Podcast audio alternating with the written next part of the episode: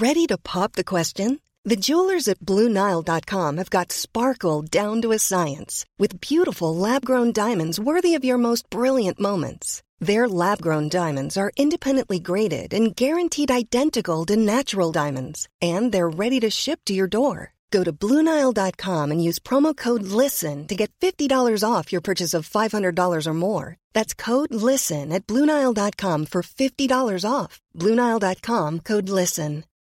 Since 2013, Bombas has donated over 100 million socks, underwear, and t shirts to those facing homelessness.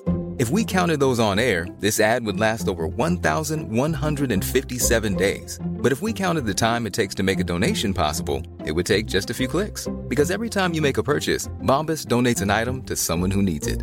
Go to bombas.com slash ACAST and use code ACAST for 20% off your first purchase. That's bombas.com slash ACAST, code ACAST. Hey, it's Danny Pellegrino from Everything Iconic. Ready to upgrade your style game without blowing your budget? Check out Quince. They've got all the good stuff shirts and polos, activewear, and fine leather goods, all at 50 to 80% less than other high end brands. And the best part? They're all about safe, ethical, and responsible manufacturing.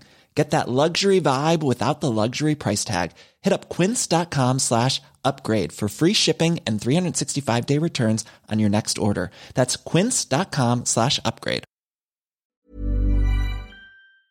Nu är det fredag. Nu är det fredag! Nu är det götterna. götterna. Direkt från Göteborg. Med Micke Månaden och Glenn Hysén. Välkomna! Götterna. Nu är det fredag. Nu är det fredag!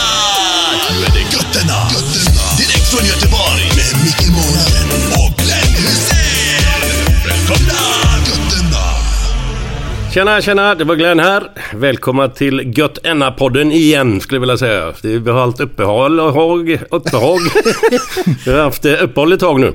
Av eh, olika anledningar. Men eh, nu är vi på G igen. Så att eh, första gubben vi har med oss idag här. Det är alltså en... Vad ska man säga? Sportchef, är det okej okay att säga det eller? Sportchef Det- på GP. Det är jätteokej att säga Ja, sportchef. på Han heter så här mycket som Ulf Niklasson. Välkommen! Tack så hemskt mycket. Tack Ja, så hemskt den här mycket. mannen har man ju träffat i åtskilliga sammanhang under årens lopp. Ja, det är ju faktiskt att ni har varit ute på resor ihop bland annat. På den- din gamla vet du, Viasat-tid va? Ja, absolut, absolut. TV3. Sen är han ju en gammal granne till dig. Exakt. Vi är tillbaka till basic är vi nu då. Vi har ju haft en granne innan med. Det var ju Carl Deman.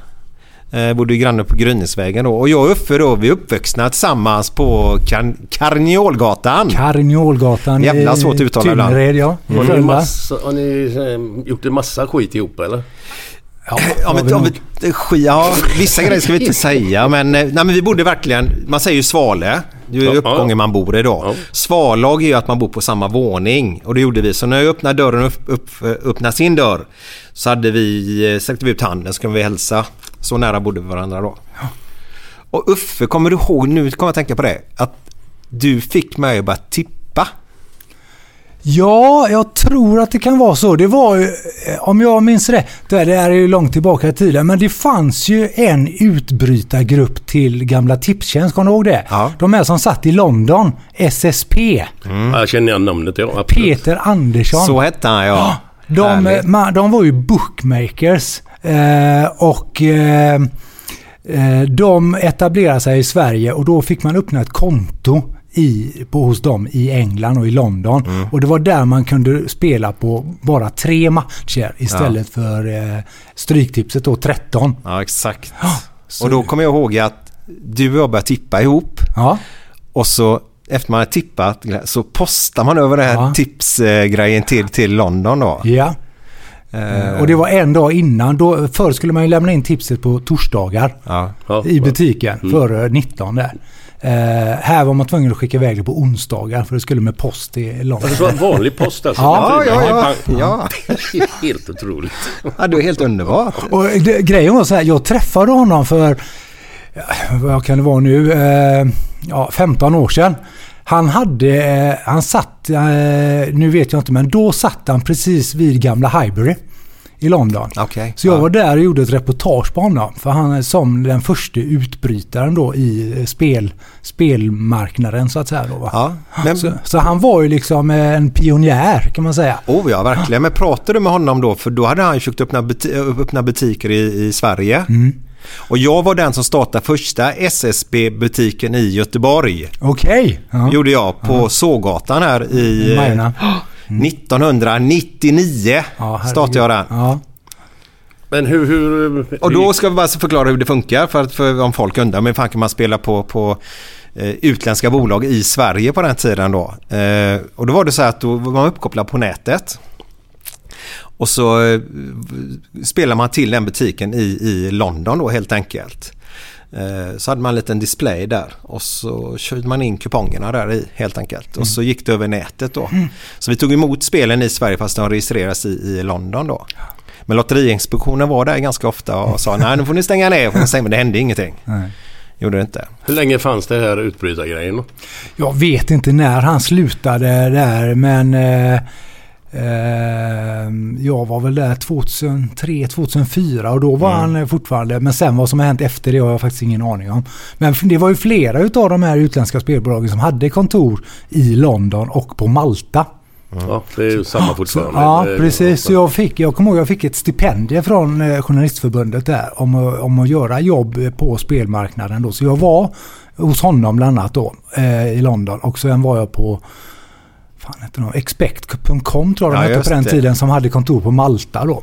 Mm. Som eh, ville då in eh, och få eh, vad de nu har fått då licens då. Mm, mm.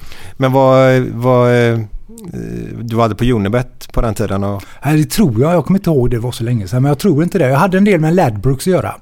Och- Ladbrokes hade jag också. Ja, och Det är en gammal klassisk grej. ja, Douglas Roos som han Douglas hette. Ros ja. Ja. ja. Eh, De hade ju sitt huvudkontor i, i London. Så de var ju, och de hade ju också de hade ju egna butiker i London. Och Oj. har fortfarande tror jag. Ja, ja det har de. Det har de.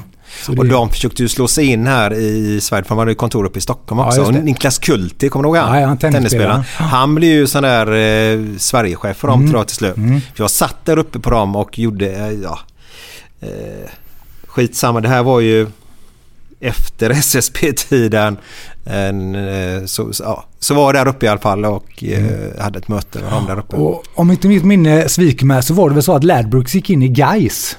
Det, det är jag ganska övertygad om. Ja. Ja. Och sen så gick Gais upp i Superettan och blev då en SEF-klubb. Mm. Och så var det väl så att Svenska Spel hade alla SEF-klubbar. Superettan, Allsvenskan.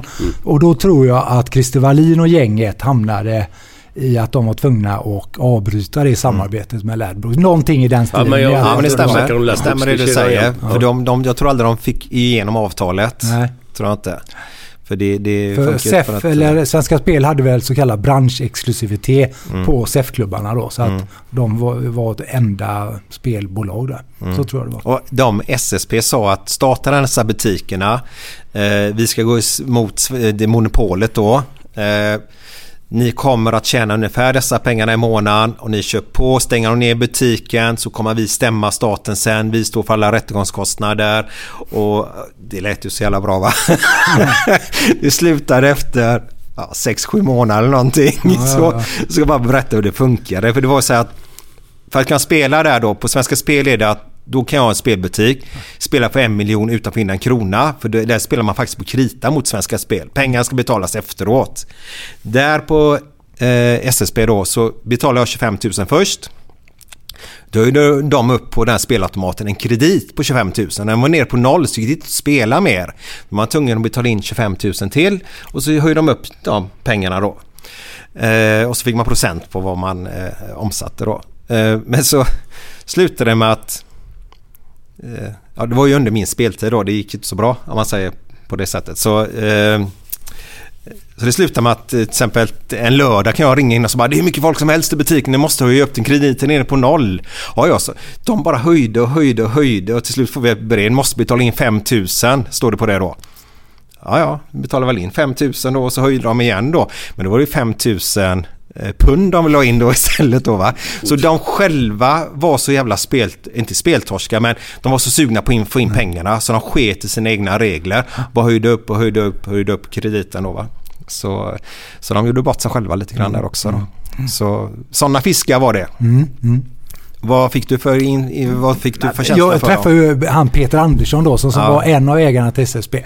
Och eh, han var, ju, eh, han var ju ganska speciell. Framförallt var han ju väldigt bitter på Sverige då. För han tyckte Mm. ju att det var ett väldigt förmyndarland. Eh, här då, att vi hade alldeles för mycket regler och staten bestämde alldeles för mycket då. Mm. Eh, så det var ju hans bild utav det hela då. Jag ska bara berätta hur det slutar sen då. Ja. Det slutar med att de ville ha igen sina så kallade pengar och gör parentestecken här då. Och hotade med mc-gäng. Ja. Det var härligt när ett spelbolag gör detta. Är det inte det? Ja. Förekommer det det också? Nej, det hoppas jag inte. Man vet inte. Eh, Men på den tiden gjorde det. Ja, okej. Ja. Ja. Spännande. Men vi är gamla gr- grannar i alla ja, fall. absolut.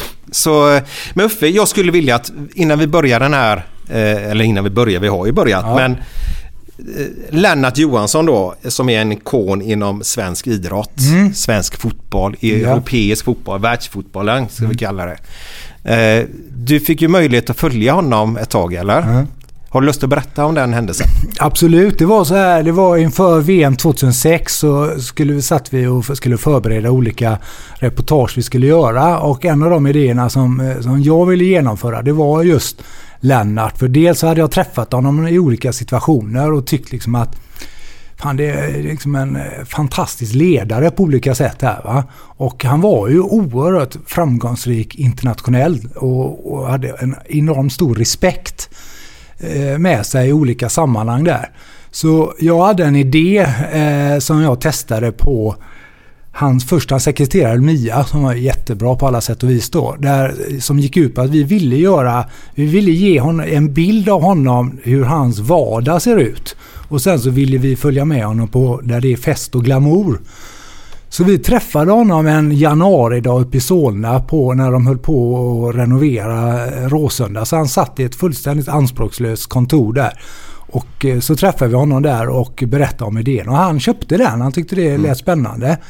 Och han öppnade verkligen alla Uefas portar man kunde göra. För Uefa var ju redan då ganska tillknäppt. Det var svårt att komma in och få tillträde till ganska mycket då. Va? Men både han och Mia var fantastiska. Så vi hade ett möte på en timme, kommer jag ihåg, på hans eh, kontor där. Och efter två och en halv timme så var Mia tvungen att bryta det för han skulle iväg på något, eh, med något flyg där. Va? Han var, liksom det, ibland är det så med människor, det, det klickar. Eller så klickar det inte. Nej, nej, nej. Men han och jag vi klickade där och fotografen Niklas också där. Va? Så han, eh, han eh, pratade på och öppnade sig där. Och sen så föreslog han själv då, liksom, vad ska vi ha för festtillfälle? Jo men det är klart ni ska åka med mig på Champions League-finalen som skulle vara i Paris då 2006. Oj, vilka, vilka var det som... Var det då eh, eh, Arsenal var med och...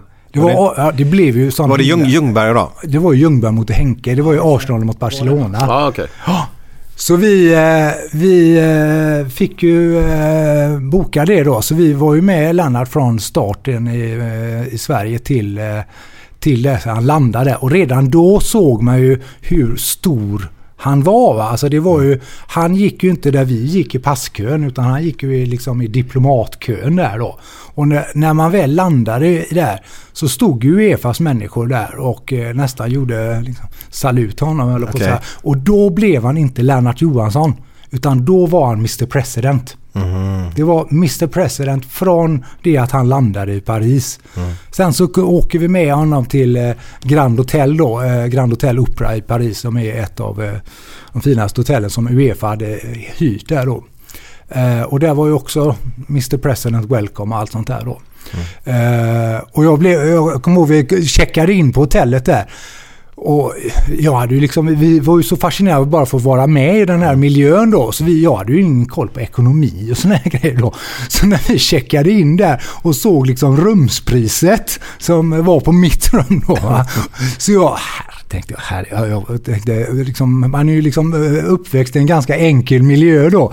Så jag ringde hem till min chef och sa liksom, alltså det, det är ju jättebra för reportaget och så att vi bor med Lennart här va? men jag vill bara informera om att rumspriset kostar liksom så mycket. I, Hur var det ungefär? Du jag ihåg? tror att på den tiden så jag tror att vi betalade runt 4 000 spänn natten då, så tre nätter. Så det var ju ändå 12 000 spänn. Och jag tyckte det var väldigt mycket pengar då. va? Jo, men det är något, Ja. fan tycker väl alla. Ja, jag menar även idag, eh, för 2019 då. Mm. Men det var okej då va.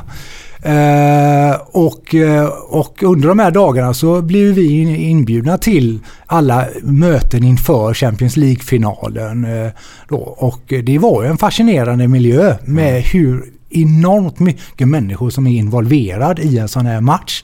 Ja. Eh, han hade sin fru med sig, eh, Lola, där också. Och det är ju samma sak där. I, när man gör sådana grejer så ska man inte underskatta de personer som jobbar runt om honom. Men även där, Lola, hon, vi, på något sätt vi klickade också där. Hon tyckte detta var kul och hon gillade oss verkligen. Hon liksom öppnade dörrarna för oss också här då. Va? Och bland mycket då så var det ju så. Vi, hade ju, vi skulle åka upp till matchen då uppe på eh, Stade då i, i de norra delarna av Paris. Va? Och det var ju in i, eh, det var ju liksom ingen vanlig taxi utan det var ju liksom en, en limo som vi skulle åka upp med där då. Åkte ni samma bil som honom? Ja, så vi satt ju i bil. Det var jag och Lola eh, och så var det Niklas då, fotografen och så Lennart då. Och då visade det sig att det var ju poliseskott. Jag har aldrig åkt poliseskott hela men jag har knappt sett en poliseskott. Va? Så vi åker ju liksom, jag tänkte det tar ju liksom en och en halv timme upp med där då. Det tog ju 20 minuter. Vi hade ju liksom både poliser och helikoptrar där som liksom eh, upp till arenan här då. Fan vad coolt. Ja, så det var ju liksom en sån miljö som var helt fascinerande. Eh, och sen så hade vi ju, Lennart blev ju extra glad därför att det var ju då både Henke och Fredrik som var med i lagen där då. Och Lennart var ju prisutdelare då. Så vi kom ju till arenan och det var middag och allt sånt där. Och sen så fick ju Lennart dela ut priset då. Och det var ju också en fantastisk match. Barcelona vände i slutet där och Ja. eh, Henke kom in och... Två eh, assist gjorde han va? Ja, jag tror det var något sånt där då. Eh, och sen så eh, kom vi tillbaka till hotellet på natten där. Och eh, då ligger det en lapp i, i receptionen att eh, en, typ en inbjudan då. Att ni är välkomna till Lennart Johanssons svit. Så vi kom in där, eh, knackade på där och där satt ju Lennarts närmaste vänner. Oj. Eh, Så han sa liksom, nej men följ med, klart ni ska vara med här och liksom vad vill ni dricka? Så det var ju liksom eh, happy hour eller på så här, baren var ju öppen. En stor, en stor stark. En Pripps blå. Så det, och där satt ju hans närmaste då eh, vänner och eh, och, sådär. Och, eh, och då vet jag han avslutar med det. Jag sa ju det till er, ni skulle få vara med i vardag och fest. Jag lovar. Eh, Jag håller vad jag lovar. Så det var en sån fantastiskt Eh, det var, det är bland det häftigaste jag varit med om som reporter och framförallt en sån enormt stor ledare som man liksom, det var som man sa, ett handslag är ett handslag. Alltså du kan lita på mig, jag fixar detta för er. Sådär, och det gjorde han verkligen. Va? Men vad, Fan, vad, vad vad, gjorde han under de här dagarna liksom? Som snackade med folk? Eller, Han, han, var- han, var ju, han på med liksom? han var involverad i, eh, han, han var ju ganska operativ. Han hade koll på allt, alltså från säkerhet till hela arrangemanget där. Så det var ju möte med Paris borgmästare och Lars-Christer Olsson var ju eh, VD på eh, Uefa kan man säga, eller vad säger, generalsekreterare säger man väl då. Så, eh, eh, så det var ju ganska mycket möten på dagarna där då va? och på kvällarna så var det ju middagar och sånt där då va? med diverse potentater då va. Vilka, vilka, vilka träffar du där då? Ja, där var ju om man säger sen alla klubbarna är ju, eller många klubbar är, är ju inbjudna till en Champions League-final. Så det var ju verkligen spännande på kvällarna där för de stod ju i baren precis som vem som är. Det var ju Platini och de här och där stod ju jag och Niklas också då. Och sen så efter ett tag var man ju tvungen att gå på muggen och så stod man liksom eh, vid pissoaren där med Platini på vänster sida och någon, någon annan potentat till höger där va. Och det var liksom hej och med dem där va. Så det var ju en, en, en värld som man absolut inte har kommit i närheten av på så sätt då va. Eh, som man eh, de här dagarna blir insläppt i då. Fan, det där med pissoarit det är lite skumt egentligen. är det inte det? Skumt? Ja, är det inte det? Vadå? Vi killar ställer oss på raden och pissar, alltså är det inte lite skumt? Nej, jag tycker det verkar Det, är- det är ju rätt praktiskt. Ja, ja, det är vad sant, ska du göra annars? Då, ska man, alltså, då får man ju låsa in sig. Sen händer det ju grejer naturligtvis. Det händer ju att man plättar till någon, någon gång. Ja, just det ja. Där ser du, jag säger det är konstigt med pissoarer, eller hur? men det, är- det, är- det, blir, ju- det är ju behändigt lä- lätt åtkomligt att bara hänga ut skiten. och Så Ja, men jag kan på. säga svårt att få... få eh, hej, hej. Hallå? Nej, nej, det är lugnt. Nej, men gö- gör du vad du ska göra. Gör det, gör det. Man Mikra det. fan, Det är lugnt. Det är lugnt. Men, Men då kan vi ta väck det ämnet vi pratar om nu då i alla fall. Då. Ja, ja, just det.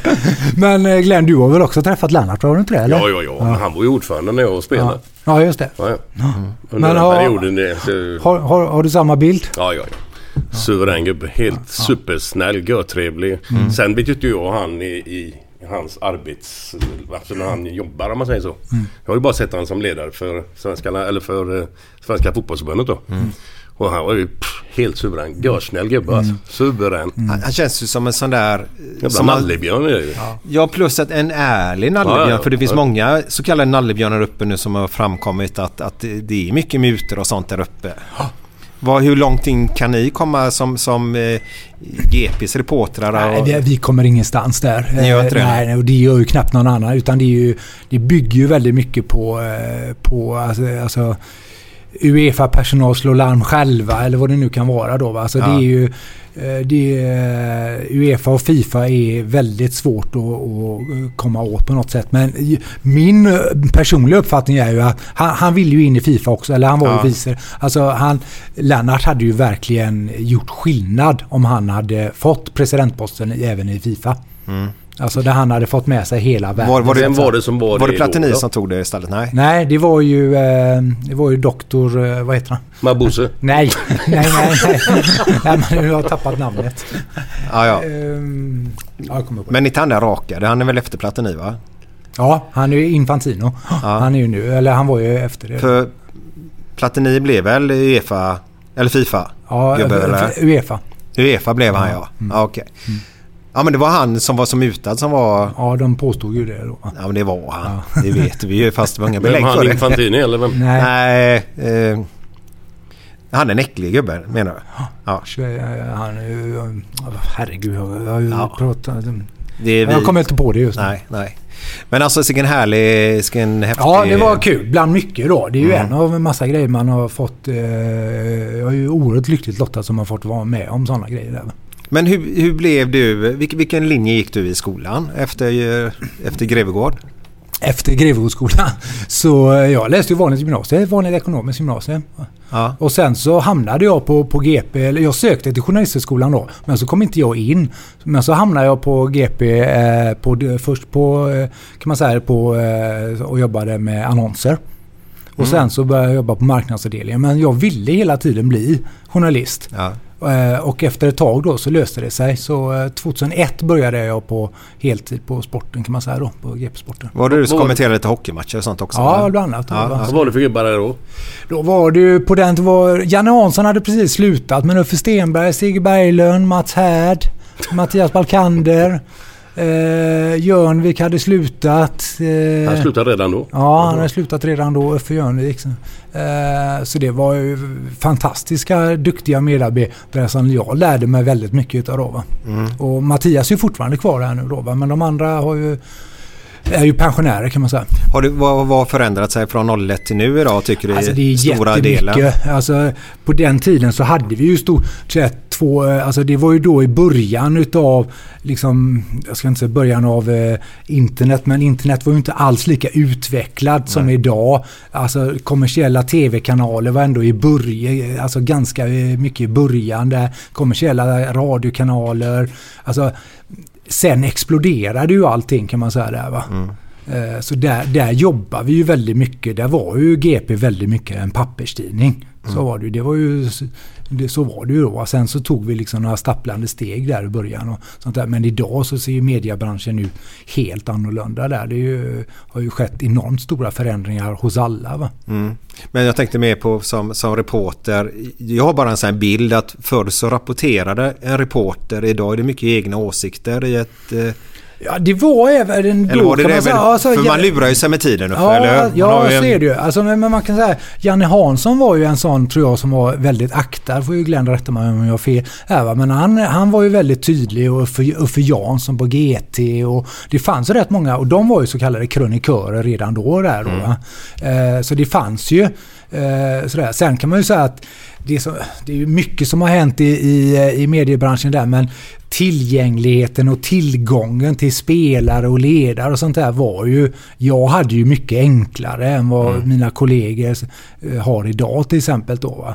Det, eh, och få, få träffas och jag åkte ju runt och hem till folk mycket i Europa där. Va. Det är ju mycket, mycket svårare idag. Va. Men å andra sidan, för mig så var ju det en ynnest. Samtidigt så var det mycket eh, lättare att etablera kontakter och relationer då. Som byggde på respekt då. Liksom, många utav göteborgarna som var ute i Europa när vi kom och hälsade på dem tyckte det och de gillade det. Va?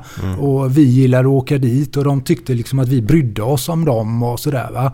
Och då, då byggde man också upp ett kontaktnät och en respekt för varandra där som, eh, som, Jag- som var lite jag- lättare. Ja, för Glenn har ju sagt det flera gånger faktiskt att eh, det är mycket som har hänt på era resor som reportrarna inte har skrivit om då. För det var, det var ett väldigt mycket givande och tagande på ett bra sätt som du ja, sagt ja, ja, ja, herregud. Men det var ju som kompisar för fan journalisterna. Det var ju ingen som var avig mot dem liksom. Fan då? Men skulle det vara så att de skrev någon skit som inte stämmer. Eller något jävelskap. Ja, då fattar jag att det är sista gången du gör någonting liksom här. Men så länge du har den öppna. Så vi hade, jag hade inte problem med någon. Nej. Loket satt väl på hotellrummen tror jag på matchdagar och intervjuade spelarna Fråga. där på Uefa. Ja. Han var ju med hela vägen. Han var väl med i styrelsen dessutom. Och nere i Valencia. För vi hade ingen styrelse Nej, då. precis. Ja, men han blev ju det. Han blev invald i styrelse här. Ja. På vägen ner. Ja, så det... Så han gick, på middag och grejer där i Valencia hörde jag rykten om. Men det blev ju mycket så kan man säga under, eh, under om man säger landslagstiden där när eh, framförallt Lasse Lagerbäck tog över där vid 2002, 2003, 2004. Då började ju Sverige få fram ganska många stjärnor. Eh, där. Det var ju då vi hade ganska många spelare ute i Champions League och de stora lagen där. Fredrik Ljungberg, Ja, Olof Mellberg, Johan. Mellby, Henke Larsson, Zlatan kom fram i den vevan och sånt där. Va?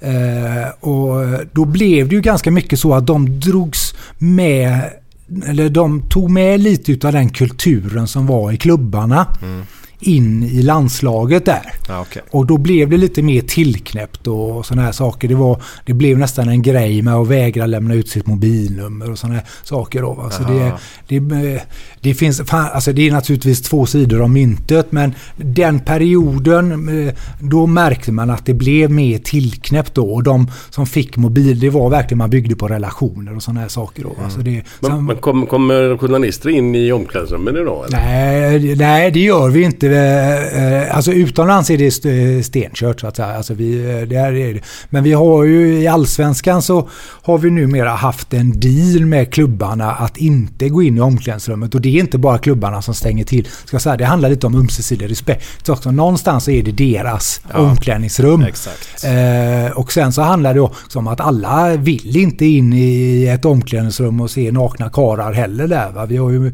vi har ju många, eh, många kvinnliga journalister som inte tycker det är speciellt eh, kul att, eh, att jobba i den miljön. Vi har även, eller, men jag känner vi har många manliga journalister som heller inte vill det. Va? Och då gäller det att organisera det på ett annat sätt. För, ofta så handlar det om att, att, eh, att, att vi vill ha tillgång till spelarna så fort som möjligt. Därför att läsarna och lyssnarna och tittarna, deras intresse är som störst direkt efter matcherna. Ja, ja. Eh, och då organiserar klubbarna det på ett sånt sätt som gör att det oftast fungerar väldigt bra. Va? Och man ser det också även internationellt. Om du tittar på en Champions League eller Premier League-match. Då är det väldigt mycket money talks i sig, för då är det de sändande bolagen. Men nu är det ju så att tittar du på en Premier League-match och Jürgen Klopp måste träffa sändande bolaget innan matchen. Och han måste gå dit direkt efter matchen. Så är det va. Så det, någonstans så, så hjälps vi ju åt att dra ett intresse. Alltså det är klart att ju mer vi skriver om IFK Göteborg eller Allsvenskan i fotboll, desto mer bättre tycker IFK Göteborg om det och svensk fotboll tycker det Jag är vet inte fantastiskt. fan om det håller med nu. Nej, Nej, okej. nu, nu, nu ska jag bara. Nej men nu vet du vad som hände när Blåvitt var i Portugal nu då? Nej, nej, nej. Då fick de inte stå vid sidlinjen och kolla. Fick de stå en plan längre bort och kolla. Det här är sant alltså. Vem fick stå en plan längre bort? Eh? Reportrarna som ska då, då, då få både GPs reportrar och GTs reportrar Marcus och gubbarna där bort stå en bit ifrån. Aft, Aftonbladet också. Aftonbladet också. Så de får... För att... Vi vet det, ingen som vet. Ja, de skulle kanske ha en frisparksvariant eller något. Det kan jag inte ha för jag såg ju delar av den här matchen. Det var ju inte människa på arenan. Det var ju helt tomt överallt. Ja, så de måste ju fått plats i alla fall. Ja men det är väl dåligt när de åker dit ner till. Portugal med massa reportrar och grejer. Så man så... Jag, jag, jag kan inte hela historien, Nej, men inte jag, jag men jag har förstått att det var där. Men jag hoppas att det löste sig då. Sådär, va. Men generellt sett så kan man ju säga det att, att ju mer det, ju mer hås det blir kring ett lag Ja. eller kring en sport Eh, desto bättre är det. Va? Jag menar, eh, om, om vi tar handbollen som ett exempel. Alltså då, det, tittar man generellt sett i Sverige, eller inte bara Sverige, det är ju så eh, ser det ut. Så är det fotboll och hockey. Sen är det ett gigantiskt hopp ner till, eh, till många andra idrotter. Då. Eh, och alla idrotter förutom fotboll och hockey, de skriker ju efter att få medial uppmärksamhet. Va? Eh, och de behöver liksom oftast, fotbollen och hockey klarar sig för det är som är stor etablerad sport. Men många andra sporter de behöver ett namn, en fixstjärna. Alltså det finns ju många sporter som mer eller mindre, eh, åtminstone periodvis dör ut. För jag menar när vi växte upp, volleybollen var ju jättestor. Kommer du ihåg han Gustafsson? Ja, han var ju proffs i Italien och det. Han träffade jag för ett tag sedan. Gjorde du det? Ja, för fan. Ja. Tennisen. Ja, oh, jag menar hur, hur många Ja. följer allsvenskan eller elitserien i tennis? Jag känner inte Eh, någon. Jo, eh. Peter Henneman. Ja, precis. Hans dotter där. If you're looking for plump lips that last, you need to know about Juvederm lip fillers. With Juvederm Volbella XC and Juvederm Ultra XC, your lip look, whether it's subtle or bold, can last up to one full year with optimal treatment and no additional maintenance. Find a licensed specialist and see if it's right for you at juvederm.com today. That's J U V E D E R M.com. Add fullness to lips in adults over 21 with Juvederm Volbella XC or Juvederm Ultra XC. Do not use if you have severe allergies or a history of severe allergic reactions, or if you're allergic to lidocaine or the proteins used in Juvederm. Tell your doctor if you have a history of scarring or taking medicines that decrease the body's immune response or that can prolong bleeding. Common side effects include injection site redness, swelling, pain, tenderness, firmness, lumps, bumps, bruising, discoloration, or itching. As with all fillers, there's a rare risk of unintentional injection into a blood vessel, which can cause vision abnormalities, blindness, stroke, temporary scabs, or scarring. For full important safety information, visit juvederm.com. Ryan Reynolds here from Mint Mobile. With the price of just about everything going up during inflation, we thought we'd bring our prices down. So to help us, we brought in a reverse auctioneer, which is apparently a thing. Mint Mobile unlimited premium wireless. Ready to get 30, 30, bit to get 30, bit to get 20, 20, 20, bit to get 20, 20, bit to get 15, 15, 15, 15 just 15 bucks a month. So, Give it a try at mintmobile.com slash switch. $45 upfront for three months plus taxes and fees. Promo rate for new customers for limited time. Unlimited more than 40 gigabytes per month. Slows. Full terms at mintmobile.com. Mom deserves the best, and there's no better place to shop for Mother's Day than Whole Foods Market. They're your destination for unbeatable savings, from premium gifts to show-stopping flowers and irresistible desserts. Start by saving 33% with Prime on all body care and candles. Then get a 15-stem bunch of tulips for just $9.99 each with Prime. Round out Mom's menu with festive rosé, irresistible berry chantilly cake, and more special treats. Come celebrate Mother's Day at Whole Foods Market. Ja. Eh, nej men så är det ju. Så, Men han är gaisare då. menar, för Charlotte Kalla är ju inte bara bra, hon är ju bra för hela skidsporten. Vad, vad vore simningen utan Sara Sjöström? Va? Nej, så jag menar, nej. det, alltså, de sporterna behöver verkligen, eh, ta en sån sport som orientering. Mm. Alltså Tove Alexandersson är ju fantastisk. Mm. eh, Både mot sig själv men framförallt så lyfter ju hon hela sporten. Mm. Peder Fredriksson och Malin Baryard de är med ridsport. Alltså det måste finnas fixstjärnor. Mm. För annars, de sporterna klarar inte eh, att stå på egna ben för att nå den framgången. För att konkurrera med andra idrotter. Kommer du ihåg vad hon hette på 80-talet då? Som sprang orientering? Anniken Kringstad. Bra, härligt. Ja. Men de snackar om orientering, att det är så jävla fritt och det är underbart få ut naturen. Vad fan, de har ju kontroller överallt ju. Där kom den nivåsättningen kan vi kalla det. Men du, innan du fortsätter här nu. Du pratade om att du hade åkt då eh, polisskott där till, till arenan där. Eh, med Lennart Johansson. Eh, men jag har ju hört då, eftersom jag har ju ganska många jag har hört idag då. Så jag har hört att, att taxi och klock orka vänta skulle jag bara säga. Vad, vad, vad, vad vill jag fram? Ja, jag, jag hade på känn att det... Nej men det är ju så att allt man gör i livet är inte så begåvat. Så är det ju. Det, det, det är ju så. Och, eh, som tur är så är vissa saker preskriberat och det är klart att några av de här ungdomsresorna man gjorde till Cypern och Magaluf och Rhodos och alla de här. Där, där, eh, man har väl lärt sig en del kan man säga i bästa fall för att uttrycka det neutralt där. Och det är klart att ibland när man ska hem på nätterna och man, man, eh, pengapåsen är borta så får man ju ta till andra sätt för att åka taxi. Och har man inte riktigt... Andra påsar? Ja, andra saker där. Och ibland då så eh, ska man ju eh, ta sig från ett ställe till ett annat. Och har man inte riktigt koll på geografin där då va, så är det ju inte så långt kanske då. Va? Nej. Och då får man ju, har man inga pengar så får man betala med det man har ungefär. Va?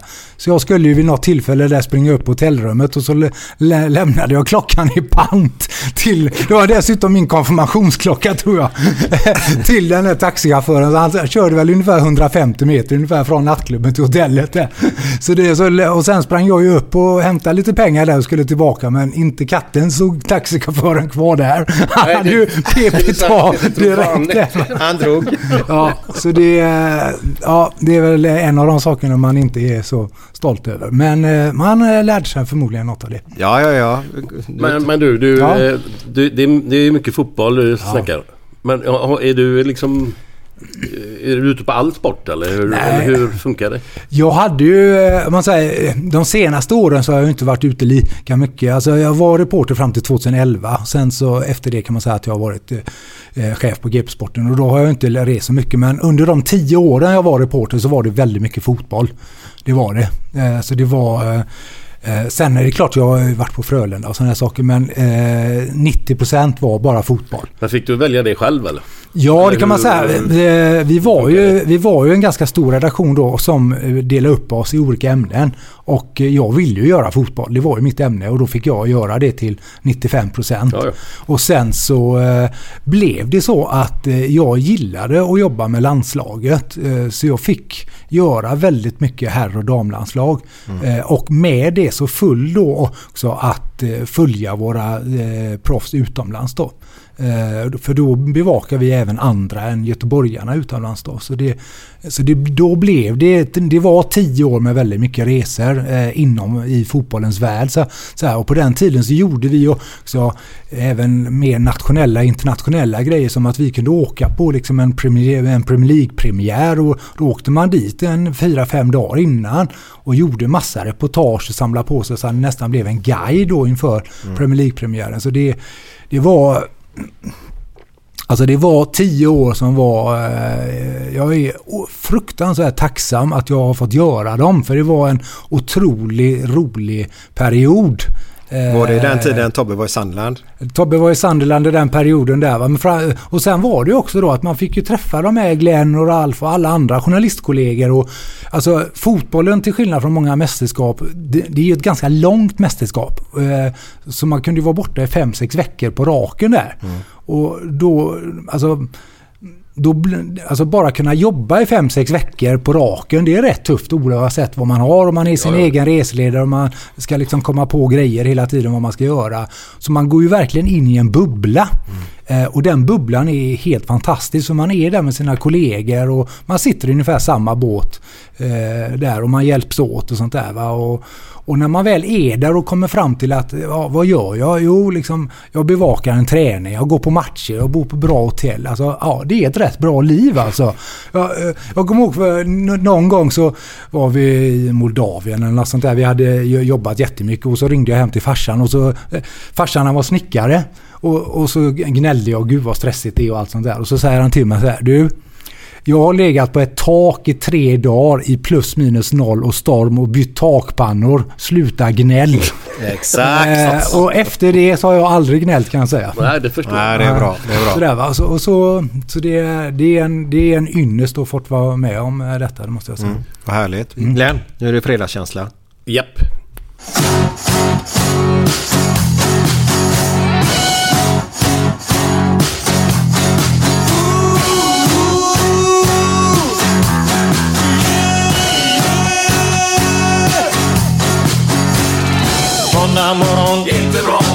Tisdag morgon, inte bra.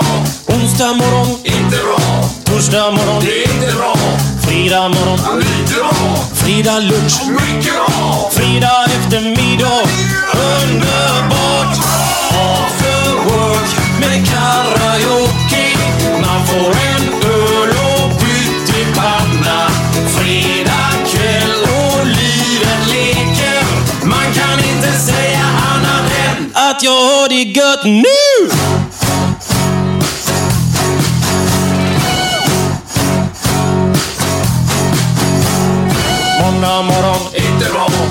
Tisdag morgon, inte bra. Onsdag morgon, inte bra. Torsdag morgon, inte bra. Fredag morgon, lite bra. Fredag lunch, mycket bra. Fredag eftermiddag, underbart bra. After work med karaoke. Man får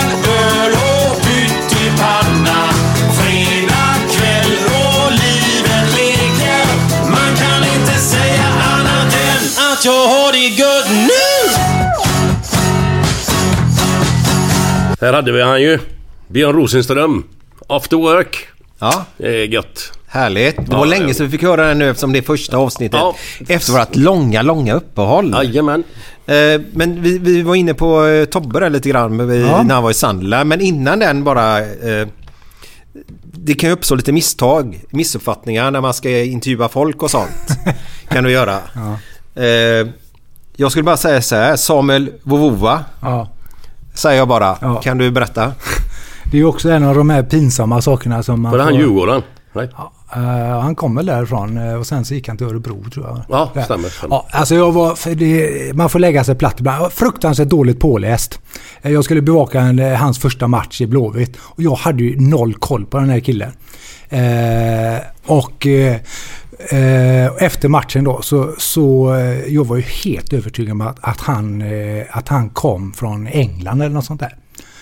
Så eh, jag ställde ju liksom fråga liksom typ What do you think about the match och något sånt där begåvat då. Och så tittade han på mig så här. Ja, det gick väl bra på klockren svenska. Ja, då får man sig en liten käftsmäll. Ja, och men till, till, jag måste säga till hans försvar där. Alltså vi garvade så mycket ihop han och jag va. Och efter det så blev vi så bra. Alltså vi hade liksom, vi skrattade åt det i flera månader där, där va. Och det var, det, ibland får man ju bara lägga sig platt. Ibland Ja. blir det fel. Och han skrattade. Och, men som sagt var, vi, vi löste det på ett eh, väldigt, väldigt bra sätt där va. Ja, vad härligt. Ja. Vad härligt. Men det, det är roligt. Man ska lägga sig platt bara för misstag ja, gör vi alla. Ja, ja, herregud. Jag har gjort många fel och misstag i min... Ja, du har gjort det ja. Ja, ja, Men eh, herregud. Tobbe där i alla fall då, Sandland. Vad hände där? Man kan säga det var under den perioden då där fotbollsspelarna började liksom knyta sig lite där och liksom var lite, jag ska inte säga märkvärdiga, men liksom man skulle boka tid och liksom har vi tid mellan ett och halv två, då är det ett och halv två ungefär. Sådär. Och det var en period då jag skulle, eh, eh, Kalle Svensson om ni kommer ihåg den gamla mittbacken i Blåvitt. ja, ja, ja. Han blev ju eh, proffs uppe i Rangers. Det var en sån. Så eh, han hade spelat sex matcher från start i Rangers och så skulle han göra sitt första Old Firm. Och då ringde jag Kalle och sa fan vi får ju komma över här nu då. Så jag åkte upp till Glasgow. Och så eh, gjorde jag ett stort reportage med Ka- Kalle var också jättebra. Vi träffades på stan och gick omkring där. Det är skitbra där då. Kalle eh, bjöd på, på sig själv verkligen där. Och sen dagen efter då så var det Old Firm. Liksom, och det, det är jag som är liksom anglofil. Liksom, det är ju bland det största man kan vara med om där uppe då. Och det blev mycket liksom protestanter mot katoliker och hela den här historien. Är det mycket då. hatkänslor Ja, det, under... nu har jag inte varit där på länge men eh, då var det väldigt det. Ja. Eh, Så jag var ute både i de protestantiska delarna och de katolska delarna där. Och eh, det var ju verkligen så att innan matchen så är det liksom, där är Celtic-pubbarna, där är Rangers-pubbarna och du går inte fel nu bara så du tänker på det. Mm. Det var så. Jag tror fortfarande det är likadant idag. Jag har hört att det ska vara sådär. Och så får jag laguppställningen där och då är Kalle petad. Så han är liksom sjunde matchen tror jag det var. Han är sex från start och så nu är jag första då petad då. Va? Så eh, han, eh, så det blev ju, det blev ju sådär med det dagen efter reportaget då. Men samtidigt, eh, Kalle var jättebra. De, vi träffades efteråt och allt sånt där då. Så det funkade. Och sen på söndagen så hade jag haft kontakt med, med Tobbe som då var i Sunderland. Eh, och det var ju också då eh, eh, att vi, vi hade en tid där då.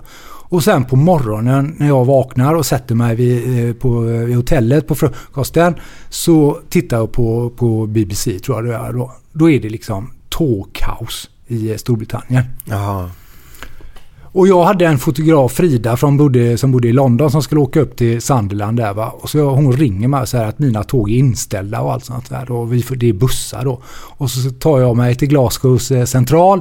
Och så är det då bussar istället ner på eh, östkusten i England där då, till, eh, till Sunderland där. Men det skulle visa att jag skulle komma två timmar för sent. Och tänkte, ah, fan också där. Och liksom, hur löser vi det? Det var ju samma, jag, ja, jag får lägga mig platt. Jag, jag skickar ett sms till, eh, till Tobbe där och så tänker jag liksom, ja, i bästa fall så funkar det att träffa honom ändå. Men du vet, man är då liksom, man är iväg, man kostar pengar och man vill ju liksom leverera då när man är där ute då va. Och ingen namn, ingen glöm. Men hade detta varit en annan spelare så hade det varit liksom, ja är du inte här mellan ett så kan du glömma det ungefär då va. Jo, men ett namn där kan vi få. så var, sådär. Men i alla fall så... Ja, det får du ge oss sen då. Ja, jag, Ja, jag jag utanför. ja, och så drog jag det smset då och så dröjde det ungefär 10 sekunder så svarade jag, inga problem för du kan komma när du vill. Jag är hela dagen ledig. Ja, Och det var så jävla skönt va. Mm. Eh, att få det. Och det, det. och det var verkligen så. Tobbe han, han var där och han, eh, det var en söndag, han hade ingenting att göra och sånt där. Och det var en rolig grej, när vi satt där på någon utservering. Så var det, det var på den tiden eh, båtarna gick mellan Göteborg. Först gick de till Harwich, eh, fotbollsbåtarna, och sen gick de till Newcastle. Och någon månad eller två efter han hade skrivit på då, det var då Ryanair etablerade sig. Eh, kom in med lågprisflyget. Och så säger Tobbe, så, det kom verkligen från hjärtat. Fan, här kommer jag till Sunderland. För Sunderland och Newcastle, det är ju inte så långt emellan där. Det är ju på östkusten där. Eh, och så kommer jag hit och så har båtarna gått här så länge och när jag kommer hit då lägger de ner skiten. För han vill ju ha dit sina kompisar då. Det är Ja, ju så smidigt då. Ja. Där då. Så det var, eh, så det, det var också liksom, det var li- lite Tobbe i ett nötskal. Han har alltid, det har liksom har alltid varit så med honom där va. Allt var Eh. Ja, och det bygger också lite grann på, för när jag var ute med landslaget då så ä, även om landslaget och alla är intressanta så är man utsänd från Göteborgsposten så är det ju alltid så att det är 031 som är, alltså det är göteborgarna som är alltid fokus. Och Tobbe var ju ofta med i landslaget så det blev ju så att vi hade ju väldigt mycket kontakt även på resor. Och då, det var ju samma så, vi etablerade ju liksom en, en, en relation med varandra där som byggde på en ömsesidighet. va. Och Tobbe var liksom, även om landslaget hade sina regler att du ska träffa media den och den, den dagen. Det många gånger sker Tobbe det. Va? Skickar jag ett sms till honom så svarar han och så pratar vi med varandra på hotellrummet där. Va? Så det var liksom, så var det.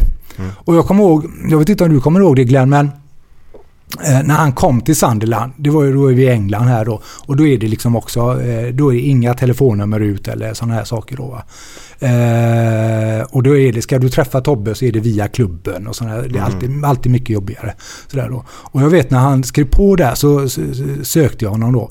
Och eh, då fick jag ett, eh, eh, då fick jag inget svar där då va. Och så ringde jag Glenn. Eh, så- Så, fan Glenn, liksom, jag vill liksom ha bara kontakt med Tobbe och kolla liksom, hur hur har det varit de första dagarna och sånt där. Då, va? Och, eh, och då visste jag då eh, att liksom, jag tror inte han får göra det via klubben då. Och sen tio minuter senare sånt där, så ringer telefonen. Hej det är Tobbe. Och då vet jag att du hade pratat med Tobbe. Det är klart det är GP som ringer. Svara. Ja, Skit i okej. det ungefär då. Alltså då då sket Tobbe i det då. Ja. Så det var också sådana liksom, ja liksom mm, bra, jättebra va, på alla sätt och vis. Mm, bra gubbar. Ja, verkligen. verkligen. Jag har ju i, i den här podden så har vi faktiskt snackat om dig kanske en eller två gånger faktiskt. Är det så? Och då har jag Jo, men det har jag hört, beskrivit eh, dig som fotbollsspelare och jämför dig lite med Glenn faktiskt. Herregud. gjorde jag. Nej men typ av samma spelstil. Så. Men hur, eh, du spelar ju coverus eller? Mm. Hur, hur var du som spelare? Eh, Begränsad. Alltså... Eh, eh, Får rätta mig om, om jag har fel nu för du, du var ju med i, i ÖIS också väl? Ja, fram till junioråldern var jag med där. Sen så gick jag Men du tillbaka. gjorde några B-lagsmatcher väl? Ja, några blev det där. Några få tror jag det. Sen så gick jag tillbaka till Karus där. Så jag spelar faktiskt ganska mycket med Eddie Örneholt. Ja, ja, ja. För fan. Ja, så vi spelar mittbackar där. Men det var ju Eddie som fick göra det mesta där. Va? Så det, men jag slutade sen när jag var 23-24. Mm. Eh, Så jag, det var en, eh, om man kan kalla det karriär så var den kort. Men det var väl uppe i division 3 tror jag i alla fall. Ja, ja. Så Men vad slutade du för då? Eh, dels så var det var mycket med jobbet och sen, så, och sen så började jag läsa på IM då också och då valde jag att plugga framför, eh, eh, framför fotbollen. Där då. ja. Så då var det plugg och jobb i två år kan man säga där. Och sen så, så hade jag inte det intresset efter det där. Så då, eh, sen så ville jag ju liksom, eh, sen ville jag ju satsa på journalistiken också då. Va? Och då eh, Men det är junioråldern och pojkåldern. Vad, vad, vad tyckte du om fotboll om man säger? Var det bara fotboll som gällde för dig eller var det andra sporter? För hockey var det ju... Nej, jag har alltid varit allätare. Jag spelade mycket hockey, spelade lite Mm. handboll, mycket tennis gjorde jag där. Vi gjorde ju det på... Det var ju så på den tiden Micke, det vet ju Mm. du också. Det var ju på, då spelade man ju på gårdarna. Ja, ja. Den där spontanidrotten som jag efterlyser idag. Va? Alltså, alltså vi hann ju inte hem från skolan innan vi eh, var på fotbollsplan eller Mm. tog på oss hockeyskydden och spelade landhockey. Micke var ju grym i mål och sådär va. Och liksom föräldrarna fick ju släpa in en där va. Liksom du kasta i dig käket och sen ska du ut och spela. Ja, ja, ja, jag känner igen Ja, precis. och vi hade ju liksom fighter med de andra gårdarna där uppe i ja. Tynnered då va. Eh, det, var ju, eh, det var ju fantastiskt roligt va. I vissa fall så åkte vi upp till Rudalen och, och spelade där då va. Ja, det var en härlig tid. var det. Ja, det var det. Och den, den, eh, om man ska vara lite seriös här, alltså den, den tiden sa, alltså de aktiviteterna är ju precis det vi skulle behöva som mest idag i den här digitala världen och mobiler och paddor och. De här ungdomarna behöver ju liksom verkligen komma ut. Va? Men då, får vi, då måste vi liksom också erbjuda dem möjligheterna. Va? Det måste finnas de här ytorna och allt sånt där. Va? Det är skitviktigt att folk är ute och rör på sig och hela den biten. Det är, jag, ja. Det jag växte upp på Hisingen med, med morsan och Det var ju liksom... eh, Han knäpper med händerna. Ja. ja. jag sätter händerna framför munnen. Ja, vi, bara, vi gick igenom detta innan vi började podden med att Glenn har en förmåga att alltid sätta händerna framför micken eller framför sin mun då till micken då. Men så, låter det så ute, så... Ja, ute, ute där, där, där vi bodde, de hade ju, det var ju en megaäng liksom. Det var ju hundra pers ute på varje lobb. Ja. Ut efter skolan. Mm. Löp två mål.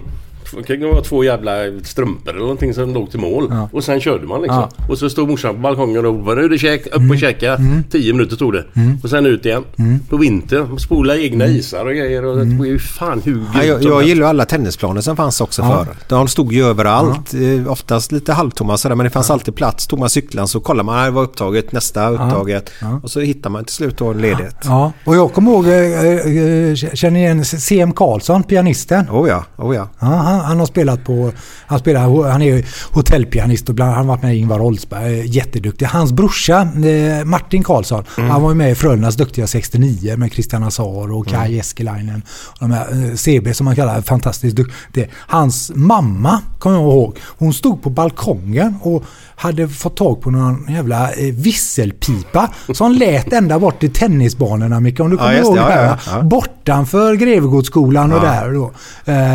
Så att när det var mat så, så visslade hon i den här pipan så att han skulle hem då. Ja. Men det var verkligen så att ungarna var ute på den tiden. Alltså var det inte snöstorm och sådär, då, då var vi ute. Ja, när det var snöstorm var man också ute. Jag byggde, Ja, kommer du ihåg när vi väldigt- byggde de stora kojorna Ja, ja visst. jämt? Ja. Men jag, jag, Snöhyddorna. men jag, förstår, jag förstår ju att, att eh, många klubbar i alla fall har ju femåringar nu. De går ner i åldern liksom. Då fanns det ju fan yng- yngsta laget bara 10 kanske eller något. Men vet du varför det är så idag? Det är vi föräldrar som... Det är, alltså, Som vi, vi klagar på barnen men det är inte barnens fel. Det är ju Nej. faktiskt vi föräldrar som upplevde detta och så gör vi precis tvärtom själva då. Eh, organiserad idrott då, det behövs ju inte i den åldern. Men det, de slåss ju om ungdomarna för de vill ju... Om vi, tar, vi idag får ju låna Sävehofs... Eh, vad säger man? Re, relaxrum innan matcherna tror jag. Ja. Eh, får vi lov att göra. Tack Abbe! Eh, och det är ju en av klubbarna då också. De har ju gått ner också i åldrarna då. För handbollen började man spela först tror jag man var nio förut. Men de har också gått ner då för att annars så tar ju andra idrotter barnen. Så, så det, det är jättesvårt är det. Men det är bra för ni jobbar på det på GP lite grann med att Ja, men jag, jag, jag tycker att vi, eh, att vi har ett ansvar även för, för det, att, att beskriva hur du ser ut. Så, och vi ska inte bli för seriösa, men det jag hänger upp med på lite grann det är liksom att, att när vi har den staden vi har, med de problemen vi har, så hänger det ihop lite med idrott. Alltså idrotten har en, en, en enorm möjlighet att faktiskt hjälpa många ungdomar som, är, eh, som har hamnat i fel miljöer. Men tittar man i hur föreningslivet ser ut i, våra utsatta stadsdelar och, såna eh, och i andra delar så, är, så finns ju inte idrotten på samma sätt idag som den fanns förut. Va? Alltså Nej. vi skulle behöva ett väl fungerande idrottsliv i hela nordöstra Göteborg eller Biskopsgården Läsman som det var förr. Va? Där det fanns alternativ efter klockan fem. Vad ska vi göra? Va? Eh, och jag, jag kan bli irriterad från, med, från, på politiker från vänster till höger. Liksom när Stefan Löfven står på Frölunda torg och det har brunnit i en jävla massa bilar så säger han att föreningslivet är jätteviktigt. Ja, absolut Stefan. Men gör någonting åt det då. Alltså sätt in resurser i förebyggande syfte. Inte liksom släck inte bränder. Va? Utan föreningslivet och för, alltså att klubbstugor är öppna. Det finns vuxna människor fram till 10-11 på kvällen. Ge dem alternativ. Va? Alltså där tycker jag att att, eh, att våra politiker måste se, vi kan inte bara se idrotten i bollar och puckar. Nej. Alltså den största delen av idrotten sker i breddidrotten. Det är utarbetade mammor och pappor som sliter med att få ihop, som köra och lämna och sen ska de sälja Ravelli-kalsonger och salamikorvar och, och de ska baka till matcher där va. Och man får inte glömma bort att det är en jädra massa eh, ensamhushåll i Göteborg där. Vad är du ensamstående pappa med två eller tre barn eller ensamstående mamma med, med det här. Och få ihop detta pusslet. Där, där har vi Det, det, så jag, jag tror att det är, ibland så är det liksom det, det är inte föräldrarna av bara ekonomiska skäl som säger nej utan det är för man hinner banne mig inte med. Nej. Sen är det ekonomi också naturligtvis, Oh ja, absolut. oh ja, det är det. Sen så är det också det att i våra, om man säger vi är uppvuxna, vi har en, en kultur här i Sverige att föreningsliv, så här ska det se ut. Mm. Men kommer då som, som nyanländ så har du inte med dig det i bagagen och vet inte, inte vad föreningsliv är riktigt. Så många av de ungarna får klara sig själva. Mm. De har inte det stödet hemifrån heller då. Så, så det, ja, det är jävligt svårt det där alltså. Alltså det här med ideella ledare, det är ju en sån fantastisk tillgång till svenska staten. Mm. Alltså föräldrar är ju ibland lika mycket socionomer i klubbarna. Mm. Det är ju liksom, ibland är ju det liksom eh, ungdomarnas sätt att träffa vuxna människor. Va? Eh, alltså den insatsen de gör. Mm. Eh, och det ska ju ge tillbaka till, eh, till idrotten och klubbarna hävdar jag. Va? På ett mycket tydligare sätt än vad det gör idag. Va? Men Alltså det har förändrat samhället de senaste 20 åren så otroligt mycket tycker jag. Mm. Har det gjort det blivit mer, eh, alltså tänk mer på dig själv istället för gruppen på något sätt. Tycker jag då. Mm, Eh, så det blir förändrat. Så det blir en svår nöt för dem att lösa. Mm. Därför är sådana föreningar som Sävehof här nu, det är ju guld värd. Och det, och det ser man också, för när vi växte upp så var det väldigt, de tog det, fotbollen då, det var ner till division 10. Ja. Kommer du ihåg det? Ja, ja visst. Nu finns det väl sjuan tror jag knappt. Eller ja, Mm, sjuan sjuan finns väl i alla fall. Eh, alltså, Det är många som får lägga ner. Ja, det Ja, blir ja, ja. färre föreningar. Fast vissa blir ju större då istället då. Mm. Eh, jag vet inte vad, vad som är bäst men fan, jag gillar det gamla på något När jag sätt. växte upp så försökte jag ju bli medlem i Västra Frölunda hos Ja. Bertil och Kristiansson. Och Ja. jag, fick, fick ju sätta sig på kö. Mm.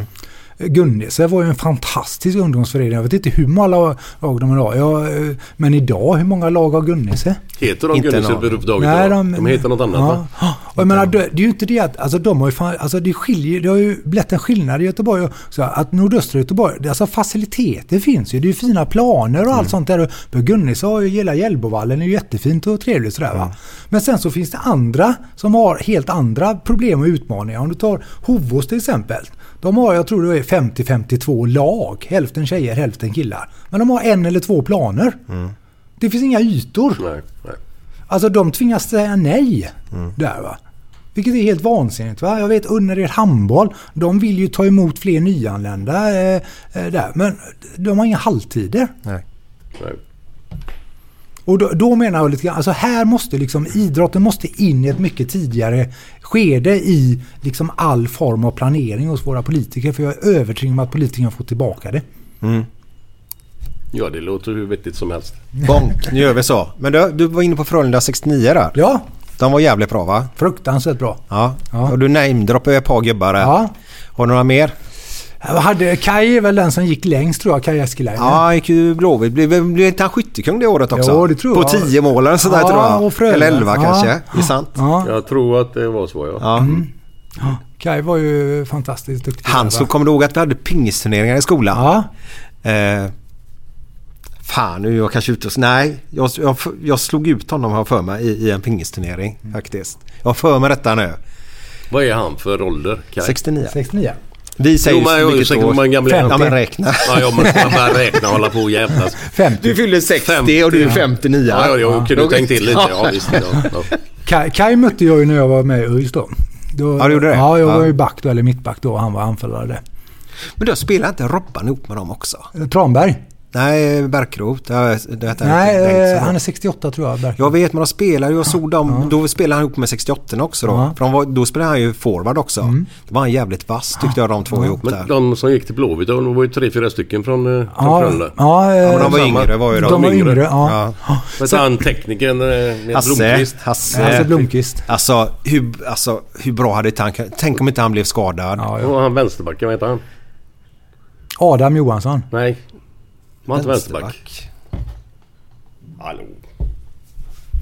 Ah, Fjord eller Ström eller... eller alltså, mm, Fjord, Ström. Ja, nu är jag ute Vad fan, totalt. de, är ju- de var ju tre, fyra stycken. eller Jo, fem, jo. Sand, Sandklev. Han var, inte, Sandklev, han var ju ja. vänstermittfältare. Var det vänster Ja, och, Okej, och så hade du ju Rosen... eh, Rosengren. Ro- Ja. Bröderna där va? Ja. Sådär, va? Så det var ju många där. Sen, det är ju rätt roligt med, eh, kommer du ihåg Christian Azar? Oh, ja. han, han, är ju, han är ju på Chalmers nu. Han är ju fantastiskt Vet långt du vad? fram i miljöprofessor. där. Han åkte ju med hela regeringen ut runt om i världen för typ tio år sedan. Ja. Och detta. Han, han blev en av de yngsta någonsin på Sahlgrenska tror jag. Eller Sahlgrenska. Vad heter det? Chalmers. Chalmers. Det är samma. Nej, men jag tror han blev den yngste någonsin. Vad heter det? Doktorand eller Ja, något sånt där ja, i, ja. i detta då. Så jag mejlade honom och frågade om han ville vara med i den podden. Eh, För jag tycker han är väldigt intressant. Och han var ju kompis med Baggen också. Stefan. Hallin. En som bodde på våran gård också. Vet, kommer du ihåg när Prosolvia? Stefan Hallin. Ja. Ja. Ja. Han blev multimiljonär på Prosolvia var det va? ja, jag tror det. Jag har dålig koll på honom. Okej. Okay. Man sålde ju några aktier Ja. som mest. Det var så här bluffbolag. Ja. Ett riktigt. Ja men de kom in på... på kan vi dra det? Vi hade sådana på Gotland. Det var mycket konstigt folk hade Ja men det här är sant alltså. Och han var ju alltid med också. Stefan och Magnus Hallin också. jätte, där. ja, jättetrevliga. Han gjorde alltid så här mål, tv-räddningar när han stod i mål. Fast bollen kom så långt så gjorde han så här snygga räddningar. Han var ganska bra i mål Ja, ja, absolut. Eh, Men han var ju med också, blev väldigt tidig. Volvo tror jag plockade honom Ja, ganska tidigt. Så han blev med på den virtuella varianten. De skulle operera hjärtan och sånt genom eh, internet då. Typ och träna på det istället för att göra riktiga Har du människor. koll på det? Glenn? Kan inte påstå det. Och sen skulle de kunna krocka bilar och sådana grejer och det här, det här systemet skulle de sälja då. Så den här aktien, jag tror de hette Prosolvia, Ja. steg ju som, som en raket. Det var en börsraket. Eh, De två andra huvudägarna för Stefan fick ju med som, han blev ju en av huvudägarna där. Men de två riktiga huvudägarna de blev åtalade sen då. Jaha, okej. Eh, De blåste ju upp resultaten, han steg ju så. Så jag tror när det var som värst där så tror jag, jag läste någonting att Stefan han fick en, en flaska i huvudet på ett styrelsemöte. En av huvudägarna då tog en sån här vattenflaska, vet du det, fast i glas. Bara dynga rätt på honom då. Men han sålde sina aktier, han drog in 50 mille på det. Grattis säger man då. det räcker så va? Det är våran gamla gård. Magnus Kjellander var... Ja, han eh, var också 69. Han spelade i ÖIS då. Ja. Och Frölunda kommer från Hovås tror jag. Ja. Ja. Jävlar vad bra han var. ja, han var bra. Sen eh, Robert Tranberg, målet var ju duktig också. Ja. Så det, eh, det fanns en del... Det fanns en del i alla fall. Men Tranberg där eh, eh, umgicks ju med er väl? För, vad- Nej, inte med mig. Nej, Nej. med Igor i alla fall. Ja, då. det tror jag. Ja. Ja, jag var, tror jag var på Igors 25-årsfest. Du tror det? ja, men jag blev... Det var en bra fest. Nej, den var inte bra för det var så här, det var bara par där Ja. och jag blev dyngrak. Då. Och jag var inte par. Nej. Så spillde jag ut ett rödvinsglas på en duk, en vit duk. Robert kom ihåg Igors före detta då. Hon blev så jävla sur. Och på den festen var Tranberg, var det dit jag skulle komma. Eh, men jag har hört Uffe. Mm. Oj. Eh, det finns ett hotell i London. Ja. Som vi alla har varit på tror jag. Ja. När man tar så här lite resor för att kolla lite fotboll. Eh, kommer du ihåg vad hotellet hette eller? Eh, Regent Palace va? Ja, det är nog något sånt ja. Men jag har bott på det bakom också. Det var ännu värre. Eh, Piccadilly Backpackers. Okej, var det ändå värre? Ja, det var ännu värre kan jag säga. För det här hotellet har de ju duschar och toaletter i korridorerna. Ja. Så när vi var där med laggon så gick vi ju bara på de toaletterna och duschade. Men de var vansinniga det för varje gång man skulle duscha skulle Ja. man ringa på någon klocka. Så skulle en portier komma upp med en handduk till en. Varför vet jag inte. Och så duschar man och det är där ute då. Men tydligen på det här hotellet då så drog du iväg och kissa men hittade inte hem. Stämmer Nej, detta? det stämmer. Det stämmer. I, vänta nu, innan då. Det här hotellet är väl rivet idag va? Ja. Men i botten på det här så var det ju pub och lite nattklubb va? Ja. Mm. Det, var, det var på den tiden pubbarna stängde 11 men hotellpubbarna var oftast öppna eh, lite Längre, längre. ja.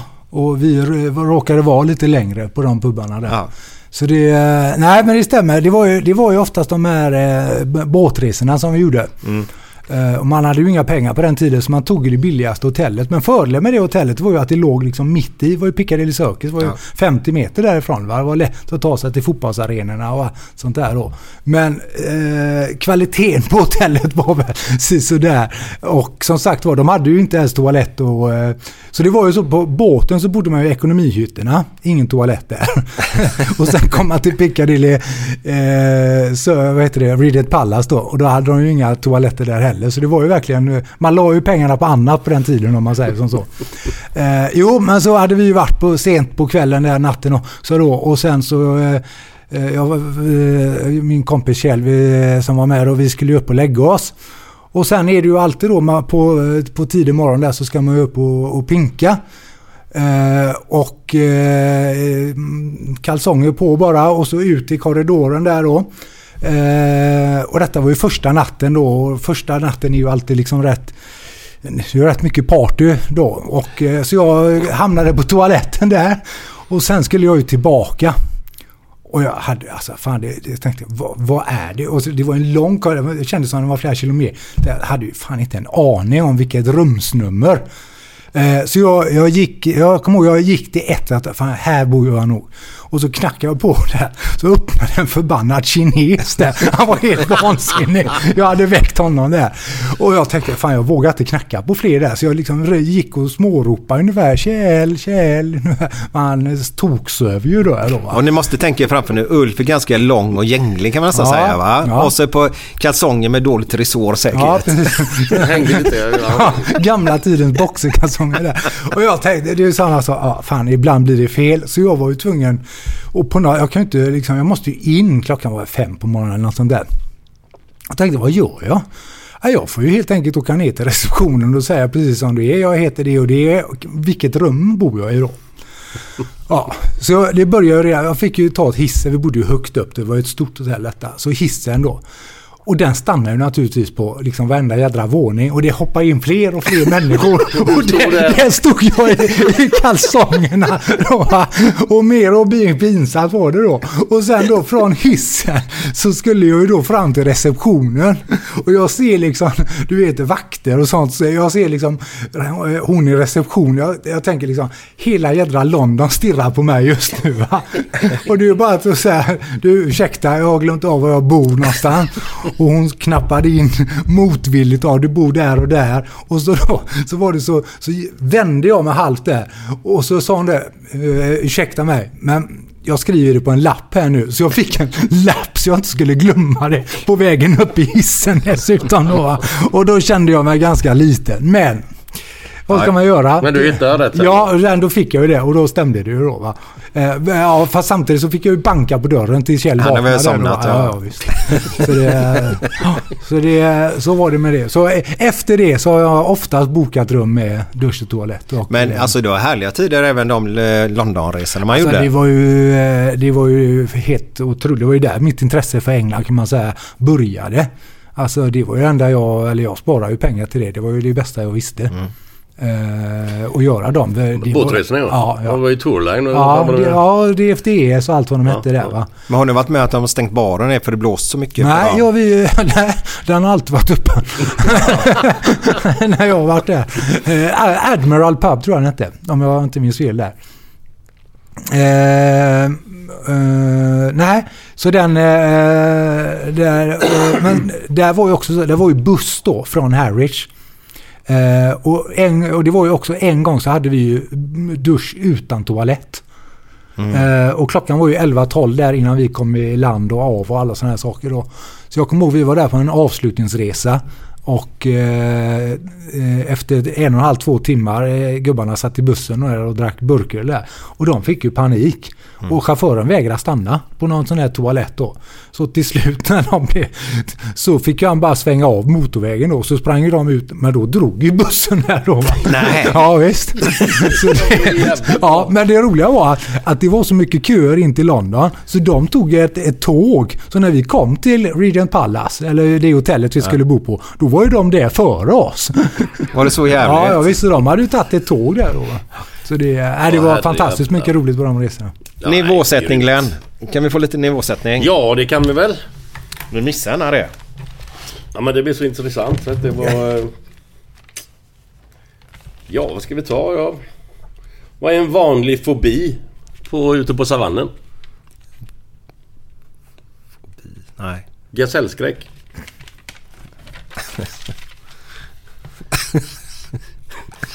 Sexigaste plagget på savannen? Jävla massa savanner. Nej. Giraffsätt. Vilken fågel är tråkigast på festen? Ja, jag umgås tänkte jag säga, men det var ju gåsen. Nyktergal. Nykt- Var det nivåsättningar? Ja, jag har en som jag tycker är rätt bra faktiskt. Vilket djur! Vilket djur kan man definitivt inte lita på? En hyckelpiga. Det tycker jag är jävligt bra. Jävla hycklare. Du är roligare. ja, men vet du vad? Det här ger mig ångest faktiskt.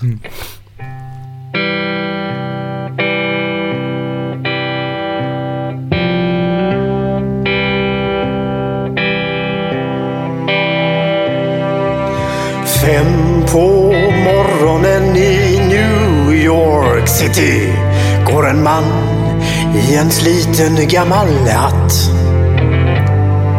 Sveper rocken kring den tunna kroppen, huttrar till. Det har varit kallt i natt. Ser en strumpa sticker ut ifrån hans sko. Vandrar vidare men utan framtidstro. Fem på morgonen i Hallonbergen står en kvinna med gråten i sin hals. Tittar håglöst in i morgonsolen. Hon är trött, hon har inte sovit alls. Två av fem miljarder människor på vårt klot. Men mot deras ångest finns det ingen bot.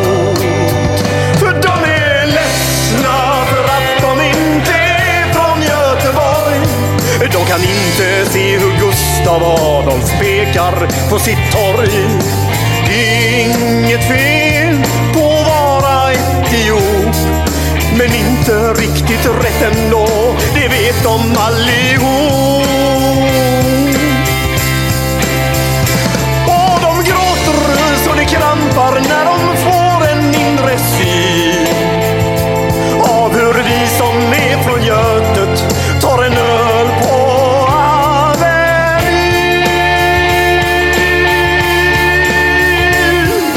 En fotbollskille får sitt genombrott och snackar proffskontakt med fem italienska klubbar. Ändå känner han att tåget har gått. En annan gubbe med en ollontusing och en latextjuva skriker ta mig röven gubbar. Men det ger honom inte något. Samma tomma blick och tårar salta smak. Om man frågar säger båda samma sak. De är ledsna för att de inte är från Göteborg. De kan inte se polisen dunka buss på Schappans-torg.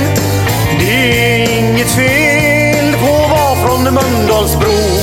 Men 14 stopp med fyran svider mer än man kan tro.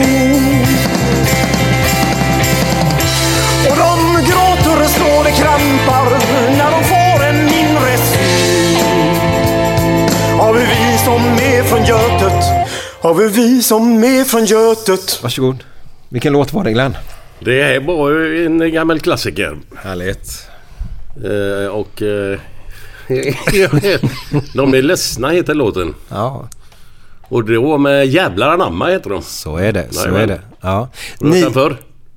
Nej. Nej, det är verkligen en fin låt. Men ni har ju varit ute och rest ihop lite grann med, med som vi var ute på er förut. Har du några minnen av detta Ulf eller? När Glenn har varit med? Ja. Ja, eh, det har jag ju. Eh, Och sen eh, inte sällan så var ju Ralf med på den tiden också. Ralf Edström.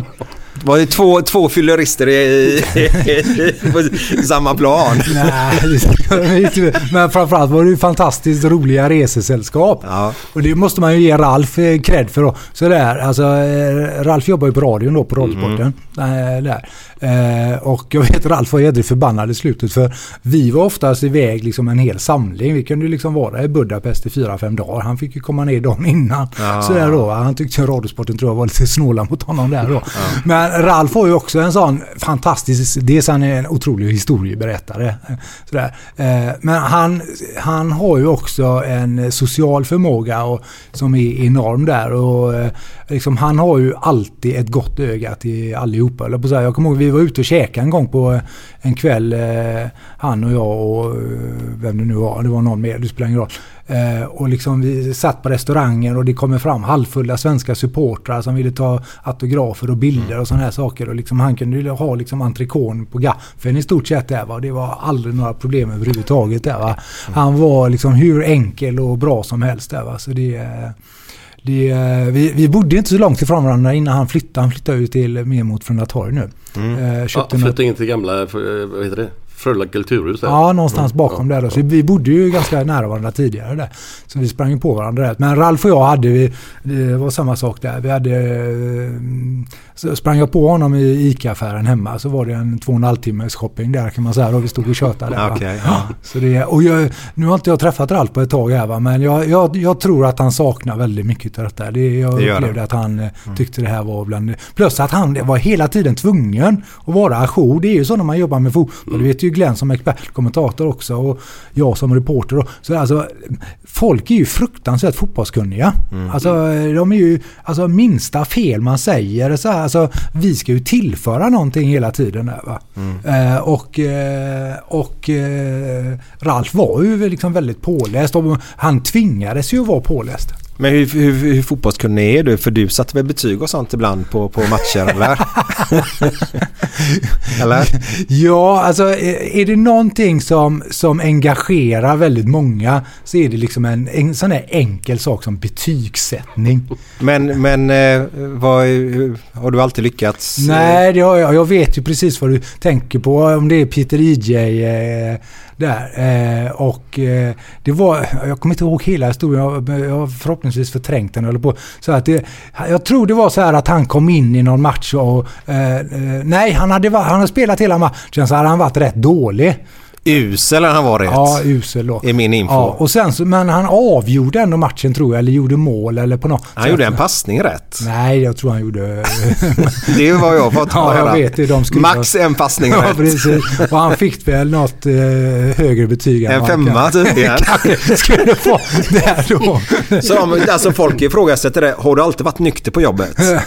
Undrar dessa människorna. Ja, fast grejen är, de är mina kompisar som är fantastiska människor på alla sätt och vis där. Och, jag är så lyckligt lottad att ha kontakt med dem. Men de, de gör den här historien mycket större än vad den är. Det var de själva som gick igång på detta. Det var liksom, jag blev nerringd av läsare och sådär, massa andra, men inte detta. Så det här är, det är en liten sanning med modifikation skulle jag ändå vilja säga. Nej, de är fortfarande vansinniga kan jag säga. Ja, jag kan säga det. Men jag, får jag bara dra en rolig historia med Ralf? Ja, eh, det, eh, han, han jobbade ganska ofta med Lasse Granqvist på, på radion. Och Lasse är ju, det är samma sak med honom. Jag har aldrig varit med om en människa som är mer påläst än vad Lasse. Han, är, oh, han gör, lägger ner enorm tid och Eh, en av de mest sympatiska kollegorna jag träffat där. Och vi var nere i eh, Albanien, i Tirana på någon EM eller VM-kvalmatch där. Och den arenan var ganska enkel så, så eh, på pressläktaren så hade de gjort liksom en, en ganska enkel kommentatorshytt för, för eh, radion då. Så Ralf, jag satt på yttersidan och Ralf satt bredvid mig och Lasse satt sen då. Och i början av matchen så blev det någon eh, incident med Tobias Linderoth och eh, någon albansk spelare där. Så den albanska spelaren blev, blev liggande. Och det är ju så i, i radion, liksom, de måste ju babbla på där då. Lasse babblar på och statistik och hej och hå där och Ralf fyllde väl i lite grann. Ja. Men grejen var så att den här killen han blev liggande längre och längre där då. Till, till slut så kom liksom lä, den albanska läkaren in.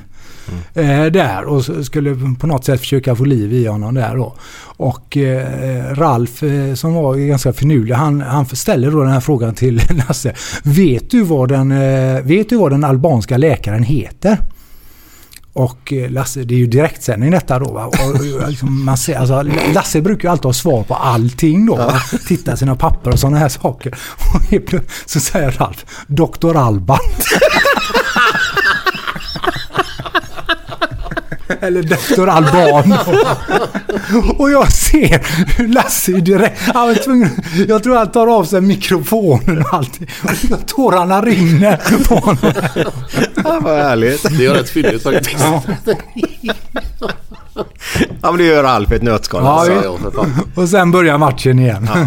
Men han är en storyteller utan dess like. Ralf ja. Ja, ja, ja visst. Och som sagt var det... är- Han, han gjorde sig väldigt mycket på de här resorna. Men du, du, du har ju gjort mycket fotboll som Ja. vi har snackat om hela tiden här. Ja. Men vad är, vad är den största upplevelsen utöver fotbollen som du har gjort? Alltså, På någon resa eller i någon, om det är alpint eller vad fan som helst. Är det något annat som, som sticker ut liksom? Ja, Det har ju varit väldigt mycket fotboll på de här och sen på olika sätt där då. Alltså, eh, jag fick ju ynnesten att vara på VM i Sydafrika och där blev ju, där fick man ju liksom verkligen en bild av ett land utanför fotbollen. Eh, jag vet att arenan där i eh, Johannesburg, den, den ena den låg i Soweto. Och där var ju, eh, där, där såg man ju liksom hur, och, mm, hur, hur, hur det var i de här kåkstäderna och sånt där då. Eh, och Fifa gjorde ju verkligen allt för oss journalister att vi, det var liksom shuttelbussar och alltså du ska åka dit och det var, du, du fick ju knappt boka eget, vi var tvungna att bo på mediahotell som det kallades, alltså utvalda hotell och sådana här saker då va. Eh, Men jag kommer ihåg en, en, en gång vi skulle åka upp, eh, vi skulle göra ett reportage på Lasse Lagerbäck som var där, han var ju förbundskapten då, eh, fast inte för Sverige. Och sen vi bodde i en oerhört välmående stadsdel som heter Sandon i, i Johannesburg. Hur fan kommer du ihåg alla namn så? Det, är- det är imponerande, det är bra alltså. Och I alla fall bredvid där så låg det en stadsdel som, som hette Alexandra. Och jag tror det är fortfarande så. Men då var det den stadsdelen i Johannesburg som hade högst mordstatistik. Och vi kommer dit på, detta är ju sommaren då så det är ju vinter. Eh, eh, eller det är ju, det är ju mörkare och så på den. Eh, eller det blir mörkare tidigare där. Så jag och en fotograf, Nisse Jakobsson, vi hade varit i, i eh, och, och träffat Lasse. Eh, och eh, skulle hem. Och då tar han av fel avfart. Och vi kör in i Alexandra där då. Och där är det liksom, långt där borta så ser man liksom Radisson och Holiday Inn och alla de här. Där bodde vi. Och här var det liksom, det var plåtskjul. Det var verkligen så. Va? Och så hade man liksom den här mordstatistiken i bakhuvudet då. Va? Och Nisse hade ju fotoutrustning för liksom 100 papp där. Va? Så Nisse sa till mig där liksom, Uffe, bara så du vet här nu. Blir det rött vid nästa stoppljus så drar vi. Sådär va. Och då, och hela det mästerskapet, då kände jag liksom att det var första gången jag kände att jag måste tänka på säkerheten. Liksom, man är ju ganska blåögd. Liksom, fan, man har sprungit omkring i London på de, eh, både lämpliga och olämpliga gator och allt sånt där. där va? Men aldrig liksom så i jobbet. Men där var jag liksom verkligen så. Liksom, nu, nu, nu får vi tänka till här. Va? Eh, och det, och det, det tar man, man lär sig mycket av det och man tar med sig mycket av det. Eh, så det, det är ju ett sånt minne som, som jag har från, från, från det mästerskapet som stack ut då från de andra där. Va? Och jag kommer ihåg, för jag, jag vet inte varför jag var där, men jag, om jag jobbade för norsk kanal eller vad Ja. fan det var för någonting. Ja. Någonting var det, för jag vet, jag åkte en taxi. Han hade ett gevär Ja. i bilen. Och, Och den här jävla arenan hette äh, äh, Ko- Kokonest eller, eller hette Ja. den? Äh, Fågelboet Ja, eller någonting. fågelboet, eller ja. Ja, ja, precis. Ful som fan Ja, var det. ja. Men, Men stor. hade han ett gevär sa du? Ett var- gevär. Ja, Mm. långt ifrån. Ja. Så. Taxichauffören hade ett gevär som stod bredvid honom med, eh, vid förarsätet. Ja. vad läskigt. Och jag minns även, eh, jag vet att Sveriges Radio skickar ju ner sin säkerhet. Alltså Lasse Granqvist och allt, de lämnar ju inte hotellet efter 18. De käkade på restaurangen, hotellrestaurangen hela tiden. Och där jag bodde i Santon som ändå då var en, en oerhört välmående. De hade ju sådana här unga killar. Alltså jag hade från mitt hotell upp till Nelson Mandela Square som det hette, som var liksom ett restaurangtorg då. då. Där hade de, alltså var 150 meter, så hade de så kallade Sandon Ambassadors. Då var det unga killar och tjejer som stod och höll koll. Och skulle det hända någonting så blåste de med en pipa, så kom polisen. Jaha. Och liksom, sånt är man ju inte van det. Nej, Detta nej. var ju när var, det var 2010 va? Ja, 2010 var det där tror jag det. Så det, ehm, så det, det är sådana lite udda, udda eh, saker där. Så det var så jävligt. För den uppfattningen, fast man har läst lite grann om det så har jag inte förstått att det var så jävligt. Nej, så var det. Sen- Sen var det ju ett fantastiskt mästerskap. Alla de här, du vet, Vuvuzelen. Ja, de hatar det, ja. Ja, ja. Jag alltså jag satt ju där på eh, 80 000 åskådare på invigningsmatchen som Sydafrika spelade i, eh, i eh, Soweto då, eller Johannesburg där. Och jag har ju haft förmånen att vara på eh, många av världens arenor. Va? Men det livet som var där. Alltså jag har aldrig varit med om maken. Men, men var, var det behagligt då? För i, i tv-soffan då Ja, så, så jag jag hörde det. avskyr det verkligen. Ja. Var det rent jävla oväsen bara då? Ja, Ja, det är bara oväsen. Det bara jag tycker förstörde hela du VMet. säger, så var det ju... Ja, jag tyckte det var så det. jädra häftigt Ja, alltså. aj, aj. Sen är det ju så, man är så laddad. Alltså man går och laddar, eh, alltså i, i, i mitt fall flera månader innan Mm. man blir liksom uttagen på sin redaktion och får åka. Nu var jag den enda på GP som fick åka. Alltså jag liksom gick ju flera månader och laddade för den här resan och sånt där. Nu var det äntligen match. Mm. Alltså det är ju nästan som att kliva ut på arenan när man kliver ut där på arenan och så möts man utav detta havet då och så får man lite ståpäls där. Man sitter liksom där, här, fan, här sitter jag. Lilla jag ungefär från Kanniolgatan i, Ja. i Johannesburg och ska rapportera hem för GPs räkning och jag sitter där och jag får betalt. Ja. Alltså det är, ibland får man verkligen eh, nypa sig i skinnet så att ja, man har det rätt bra. Mm. Det finns, det de, innan, det finns bra. de som har det sämre i livet. Ja, ja, ja. Men vilket, vilket organisatoriskt VM har varit klart bäst tycker du? Tyskland. Ja, det är det. VM 2006 var, det var också mitt längsta VM. Eh, helt fantastiskt. Vi, eh, vi, Sverige hade sin bas uppe i Bremen och, eh, där och eh, i, i norra Tyskland då fungerade hur bra som helst. Och sen spelade de, jag var iväg ner i München där va? och då tog man ju snabbtåget där och det var ju liksom eh, Alltså, tysk, alltså jag har sagt det, varenda mästerskap skulle egentligen gå i Tyskland för de har allt redan från början. De sagt- behöver aldrig dra på sig några ko- Nej. sådana där. Jag kommer ihåg, vi gjorde, jag och Ralf var nere i, i Düsseldorf eh, där han gjorde, om ni kommer ihåg det här volleyskottet. Ja, ja, ja. ja. Ja. ja. Den, den arenan var tre månader gammal och det var tio VM-städer. Düsseldorf kom inte ens med. Därför att de, de sökte ju att bli en VM, eh, VM-stad då, Düsseldorf. Men de blev inte det. Eh, de, det fanns så många andra arenor som redan stod klara. Ja, de hade ju tågen, hotellen, allting. Eh, så det var ju ett fantastiskt eh, mästerskap där. Och Tyskland kan arrangera. Exakt. Och jag tyckte det var, alltså för mig att jobba där, liksom boende, maten, wifi, tåg, kom, alltså allting fungerade. Sen 2008, Schweiz och Österrike var eh, fantastiskt också på alla sätt och vis. Det var ju samma sak där. Va? Men det, Tyskland var eh, fantastiskt bra. Det är också ett väldigt roligt mästerskap för, mig personligen. För när Sverige åkte ut så, eh, så fick jag följa England. Och då var ju Svennis där. Eh, så då bodde jag i eh, Baden-Baden där i en och en halv vecka. Och eh, jobbade mycket med, med det engelska landslaget då. Va? Och då fick man verkligen se att ja, svenska landslaget är tillknäppt. Och det var inte så lätt att komma åt där. Men England med Beckham och där, alltså det var... eh, Det var svårjobbat fast någonstans så var man mycket mer förberedd på det och då, hade man, då tänkte man i andra banor lite grann då. Va? Det var liksom ingen överraskning. Sånt där. Sen hade man hoppats att Svennis kunde hjälpa oss svenska journalister lite mer än vad Varför han ringde gjorde. du och inte sånt där. Glenn då så hade du Svennis svarat efter tio Ja, minuter. precis. Nej, just i det fallet tror jag att han hade gjort det. Sen förstår jag Svennis också. Han hade ju liksom en... Men eh, hur gick det för dem där i England? De åkte ut mot Portugal. Eh, tror jag det var. Eh, nere i... Eh, I någon eh, kvartsfinal ja, eller något sånt där? Ja, eh, det var nere i eh, Schalke. Vad heter det? Gelsenkirchen där. Ja. Det var inomhusarena tror jag. Ja, jag var där. Eh, Så, alltså det där alltså. Mm. Men det är ju så mycket turneringar. VM och EM Ja. och fan allt vad det är för någonting.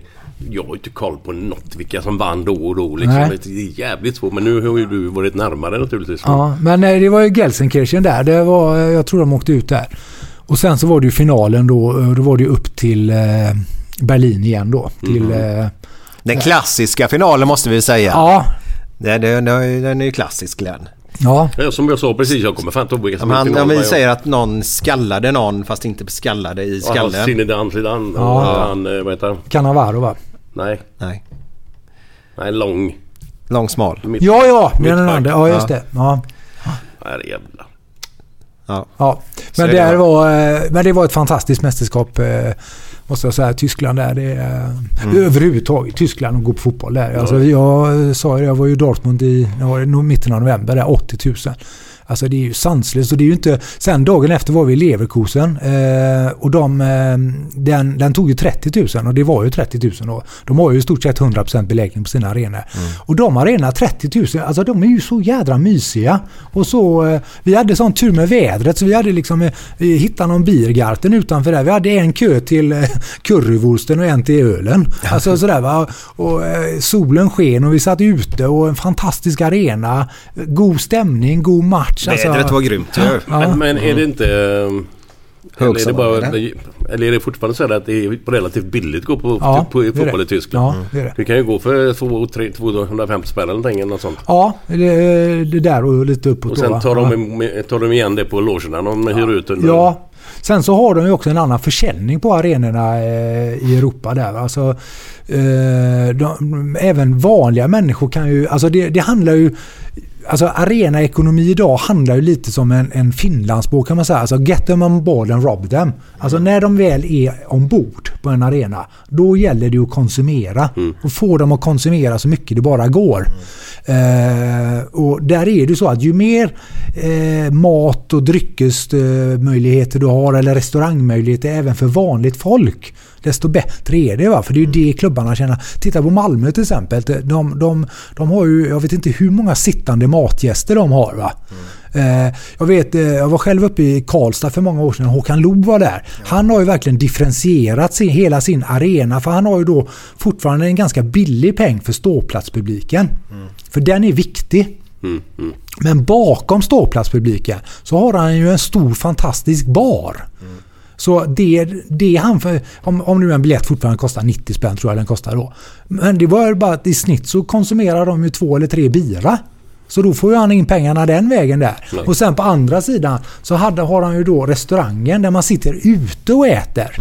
Eh, med och köper ett matpaket då med med öl och vin och sådana här saker. Och sen så har han vanliga, vanliga platser och så har han loger då. Och sen så tror jag har han ju den här champagnebaren och bastun som man kan sitta i och kolla. Så det gör ju att han kan, ha, han kan differentiera mycket mer och framförallt så har ju han, eh, har ju Färjestad då enorma möjligheter att folk kommer dit mycket tidigare och även stannar kvar efteråt. Va?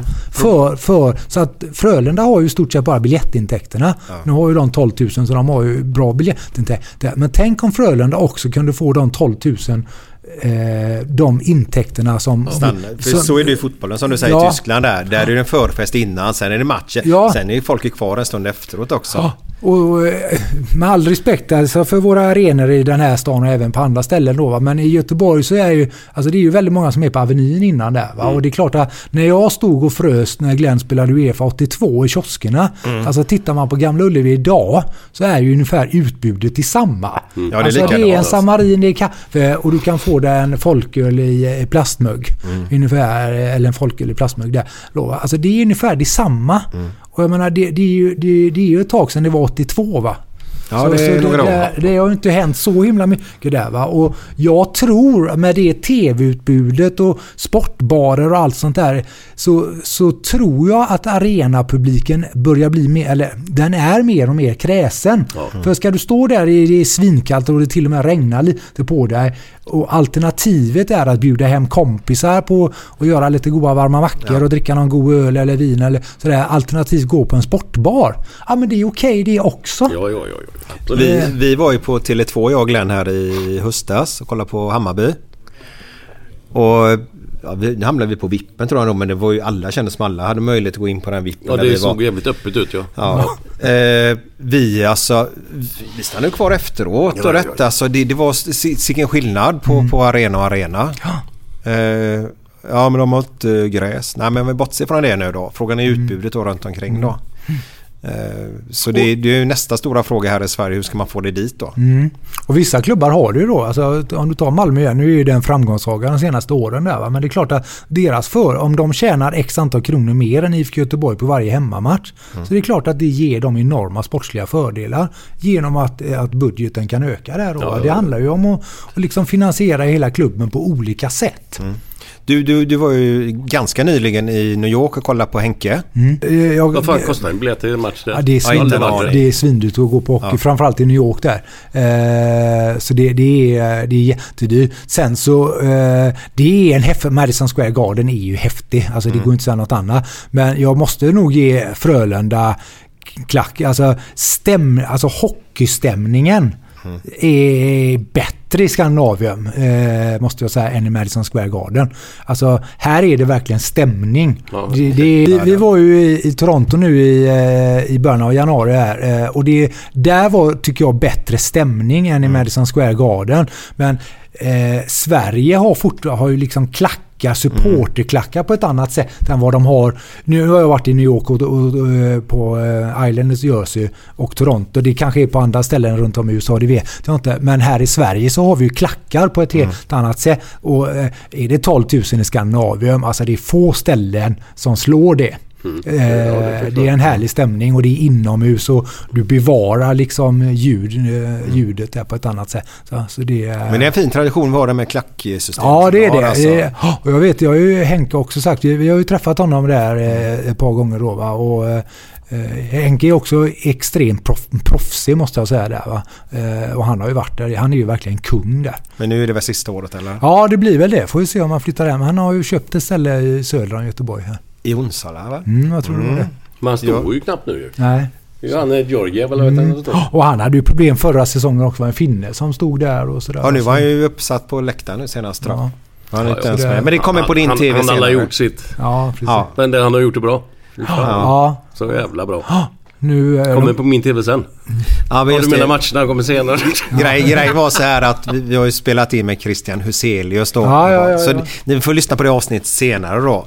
Men du pratade förut för där när du var i Sydafrika där att, att du kom på med, med bilen där på, på lite villovägar om man Ja. säger på sämre gator och sånt. Ja. Typ som man gjorde i London har man ju gått på lite sämre gator och bättre gator. ja. Typ sådär. Eh, Och jag har också varit med med det med målar då bland annat och vi hamnade på ett ställe så vi det, det slutade med att vi fick betala massa pengar för att komma ut från krogen. Mm. Eh, Jag har hört att du har fått betala också för att komma ut från en krog en gång. ja. Fast inte med pengar. Stämmer Jo, detta? jo, fast det, Nu är det intressant. Ja, jo men det var nog med, med, med det slutade med pengar. Alltså det slutade med pengar. Det slutade med pengar. Eh, det var på den, det var, det var min första fotbollsresa till London. Jag hade precis fyllt 18. Så jag vill med emfas säga att det är 30 år sedan, lite drygt detta. Drygt ja. Eh, och då hamnade vi också, det var ju första gången vi var i London där. Och där, eh, där som sagt var eh, då var vi, på den tiden så var ju Soho som låg i Piccadilly. Där har man ju hamnat Ja, ibland. det var ju, redan på den tiden så var ju det populärt. Fast på den tiden så var det betydligt fler eh, klubbar eh, med lite tvivelaktigt innehåll än vad det är idag. Om jag uttrycker mig milt då. Så efter det att pubbarna, vi var 18 år där pubbarna stängde 11, så vi var ju tillbaka till hotellet där till Regent Palace, eller på väg då. Och så var det ju, eh, så såg vi att det var öppet på något ställe och vi eh, naiva eh, svenskar som vi var, vi tyckte ju att det, ja, men det ser bra ut där. Och, och eh, vi kom in på det stället och det, det var ju liksom, såg rätt okej ut med en bar och grejer. Där, svindyra öl var det ju på det stället och det var det man reagerade på där då. Eh, jämförelse med pubbarna där. Eh, och vi gick och satte oss där i soffan och så kommer det en tjej och sätter sig bredvid oss då och börjar prata. Och, eh, och vi tänkte ju inte mycket mer på det där då och sen så eh, det var inte så mycket folk så vi, vi drack upp vår öl ganska snabbt där då och sen så, eh, så, så skulle vi gå. Och när vi reser och öppnar upp där så kommer det en gubbe in med en nota. Och så tänkte jag, fan vi har ju betalt vår öl redan där då va. Men så stod det ju då 15 minuter Ladies Company. ja, men herregud tänkte vi. Liksom, eh, hon, det var hon som kom och satte sig oss och vi har ju liksom bara pratat med henne och sånt där då. Va? 50 pund, det var ju ungefär vad vi hade. Det var ju vår reskassa. och, och sådär då liksom lite halvkaxiga Sven. Nej, nej, nej, nej, vi, vi betalar inte det då. Va? Eh, så jag liksom reser mig upp och, liksom, och så, han var ju två meter lång, två meter bred. Då, så, och så tittar han på mig så liksom, eh, så, vad, vad, vad, vad, är, vad är det för byxor du har på dig? Ja, det är ju Levi, sa jag då. Take them off. nej, sa det. Klart jag... Ja. nej, så nej, nej. Liksom, lugn och fin här nu. eh, så, där. så vi fick ju liksom samla ihop våra liksom, kontanter där, som vi hade och till slut fick vi, fick vi liksom fram, jag tror vi landade på 45, vi fick väl pruta ner det, det lite grann. Och, så vi fick ju betala 45 pund där. Men jag fick behålla jeansen i alla fall där va. Den gången? ja. Vi... Tänk han gått in med hemkalsonger i samma hotell igen. ja, precis. Ja, så det, Nej, det är konstigt vi hamnade också på det. Ja, vi också betala ut oss. Efter det så, eh, när pubbarna stänger då går jag hem. Det var väl det jag lärde mig. Ja. Ja, det. Men det var väldigt oskyldigt. Ja, det kan vara oskyldigt. Man hamnar på konstiga ställen ibland. Absolut. Så är det. Så det... Men ni har ju då eh, faktiskt spelat lite matcher ihop. Ja. Har ni gjort? Ja. På, är det Heden här i Göteborg ja, eller? Men, ja, jag tror det är någon mer tror jag. eh, Där. Men eh, så är det. Jag brukar säga det. Jag har faktiskt gjort tio landskamper. Tio landskamper? Tio landskamper har jag gjort. Eh, presslandskamper då.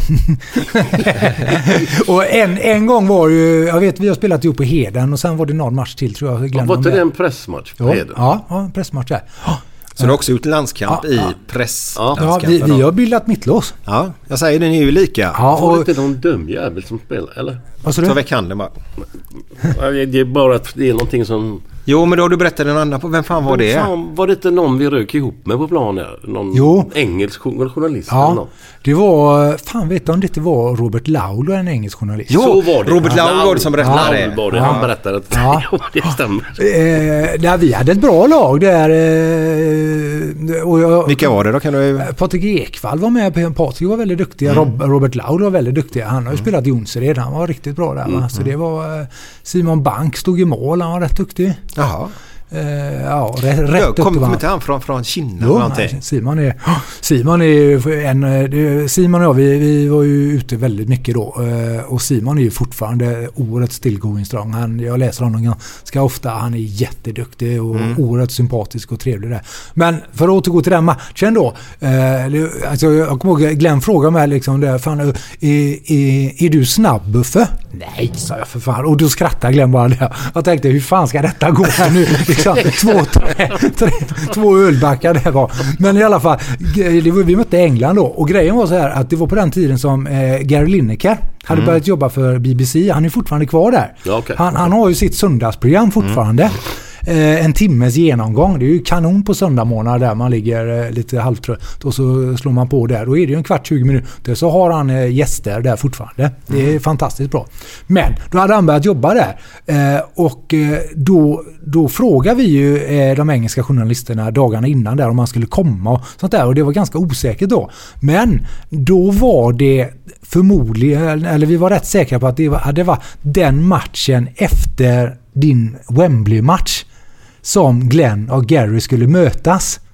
För första gången efteråt där då va? Var det efter den matchen? Ja. Du hade ju slutat spela. Ja. Eh, Då hade du ju Lineker emot dig där. Ja, ja, ja. Ja. Och sen så skulle ni då eh, för första gången mötas igen. Jaha. Och då var det den presslandskampen där då. Okej, okej. På, på plan alltså. Och då, för eh, Gary skulle spela, och jag var ju sketnervös då. Mittback skulle möta Gary Lineker Ja, då. ja. va? Det hade ju inte gått va. Eh, Men Glenn hade ju, där, men då hade, då hade det varit en rätt kul grej då va. Att Glenn och Gary skulle mötas igen då. Men Mm. han dök ju aldrig upp där då va. Du kan inte upp. Nej. Nej, och det var ju då efter Glenns fantastiska match på, på, Mm. på Wembley där. Så det, det hade ju varit kul om, det hade, om allt hade gått i lås där. Mm. Ja, vad synd. Mm. Men hur gick det i matchen då? Jag kommer inte riktigt ihåg det. Eh, Fan, du är statistik. Det är landskamper och Ja, precis. Ja, Jag kommer ihåg det. Nej, förmodligen fick vi stryk där. Eller, nej, jag, jag kom faktiskt inte ihåg det. Vem var coach då?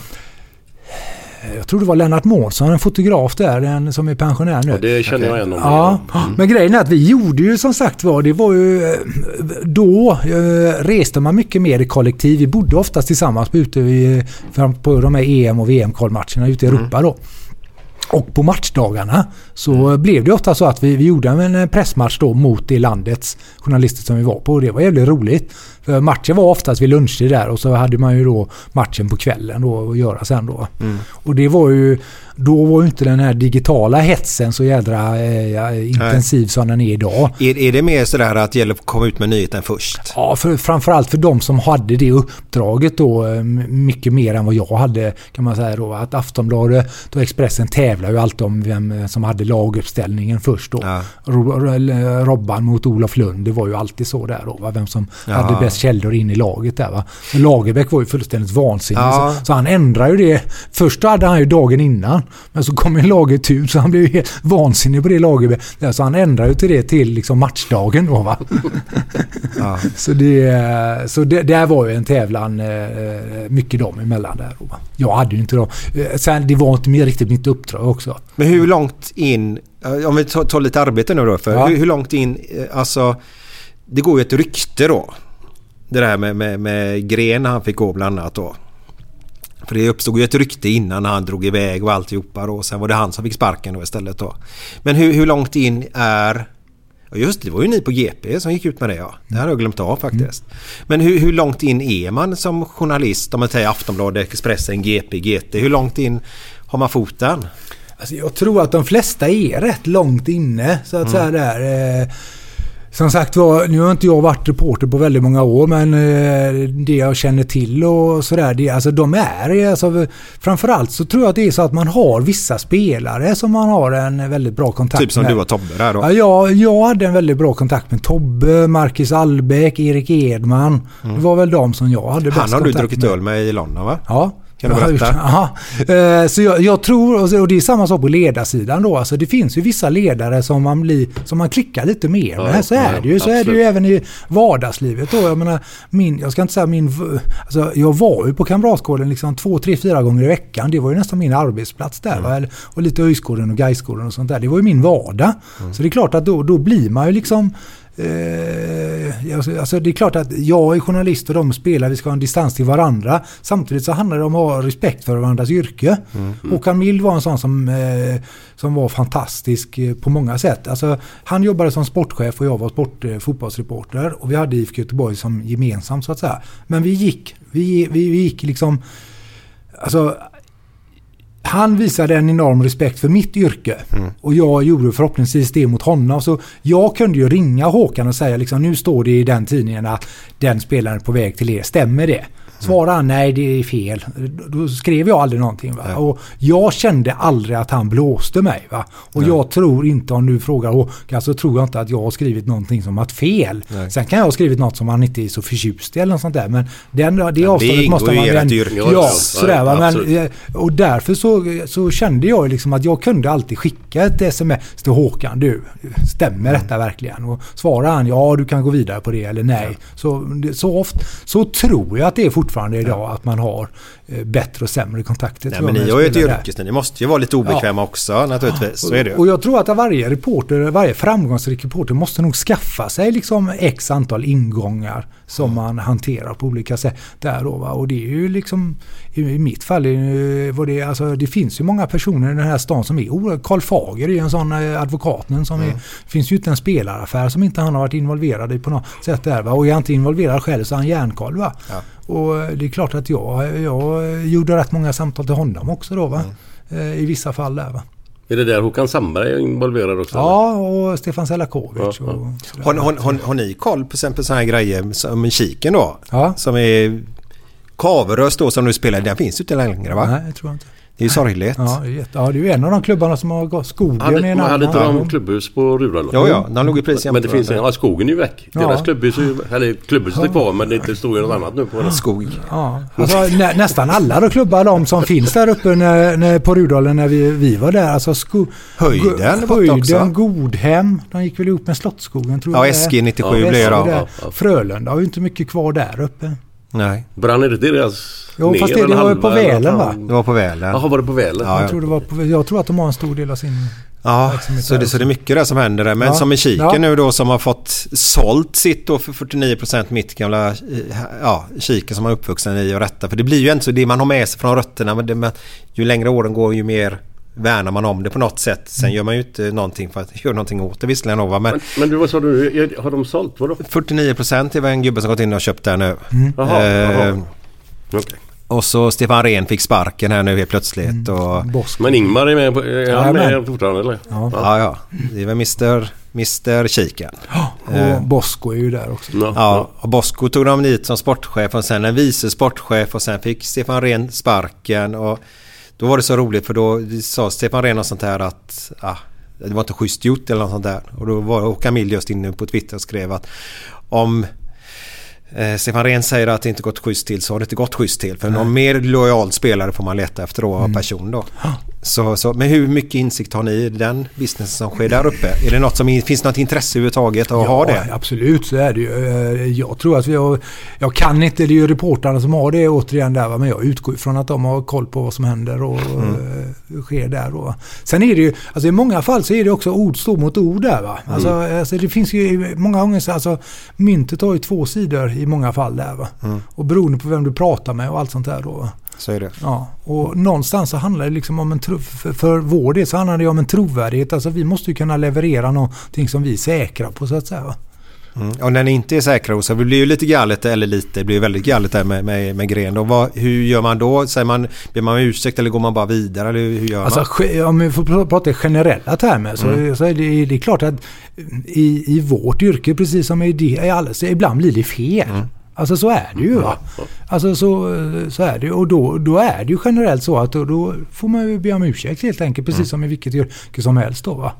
Eh, sen just i det fallet så vill jag egentligen inte gå in på det vad, som hände där då. Va? Men, men, eh, men återigen. Det, handlar det var ett exempel Ja, bara. alltså, det alltså, vi blir, alltså om vi gör fel. Mm. Alltså vi blir lika, alltså det blir det är ju ett trovärdighetsproblem mot våra läsare. Mm. Alltså, det, alltså det, vi, mår ju, alltså vi mår ju inte alls bra av det. Va? Nej.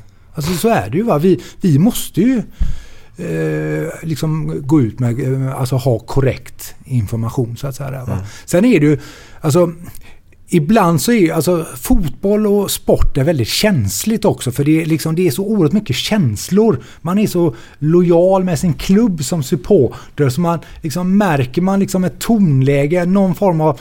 Alltså det är ju många som tycker liksom att nu har IFK Göteborg haft det kämpigt ett par år där liksom, nu måste ni skriva positivt om dem och sådana saker. Och någonstans så är det också vår uppgift att förklara, nej men det är inte vår uppgift liksom. Vi, IFK Göteborg får skriva vad de vill på ifkgöteborg.se. Mm. Liksom, det är det deras. Alltså, bara för att Stefan Löfven har det kämpigt så kan inte vi liksom, gud vad bra Socialdemokraterna är. Va? Alltså, alltså, alltså, vi, vi, alltså vi, journalistik är någonting annat va. Mm. sen, och, eh, sådär. Det är inte vår uppgift liksom, att lyfta Heid handboll eller att det ska komma mer Men Heid handboll kan du väl lyfta? Jo, precis. CK. Ja, sådär va. Men alltså, så där, där är liksom ett kommunikationsproblem ibland som jag upplever med, med framförallt eh, folk som är oerhört nära sin klubb.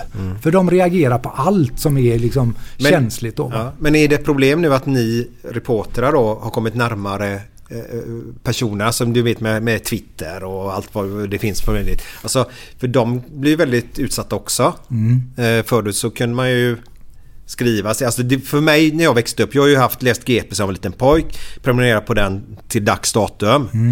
Eh, men för mig var ju det GP Reportrar, det var ju något som fanns bakom pappret någonstans som jag aldrig såg när vi växte upp för där Ja. ute. Eh, Men idag så känns det som att man är närmare dem på något sätt. Jo, men det är. Lättåtkomligare ja, också. Och det, och det är också en strävan. Jag vill ju att mina reportrar ska vara tillgängliga för både läsa kontakter och spelare och ledare och sånt där. Därför att eh, jag tror på det. Jag tror på en dialog. Eh, Och har man åsikter om det, vi ska, alltså, kom igen, ring oss. Och samma, jag får ganska mycket erbjudanden att komma ut till klubbar och olika så här. Jag försöker svara ja på så mycket som möjligt för jag tycker att det ingår i mitt jobb att göra det. Och jag vet, eh, och ibland så vet jag ju liksom att det kommer bli en jävla jobbig kväll. Men någonstans liksom, fan det är ditt jobb. Liksom upp på hästen här nu va. Det är liksom, du får ta det. Men förklara varför det har blivit så här då va. Eh, Och många gånger så slutar det rätt bra. För någonstans så handlar det om att förs- försöka skapa en förståelse för varandra. Jag kan ta ett exempel. Vi hade en serie där vi granskade Kviding väldigt hårt. Ja, var det med bidrag? Det var med bidragen där och bidragsfusk och sånt där. Och det är samma sak där att det är många då som tyckte att det var jättebra. Alltså det är fan inte klokt att de ska ha betett sig på det viset och liksom lurat och sådär. Men sen så fanns det naturligtvis många som tyckte liksom att ja, nu räcker det ungefär. Va? Och liksom, nu ligger kviden ner, nu får ni sluta granska dem och, och sådär. Nu får ni faktiskt hjälpa dem och berätta eh, hur mycket bra de gör och sådana här saker. Då, va?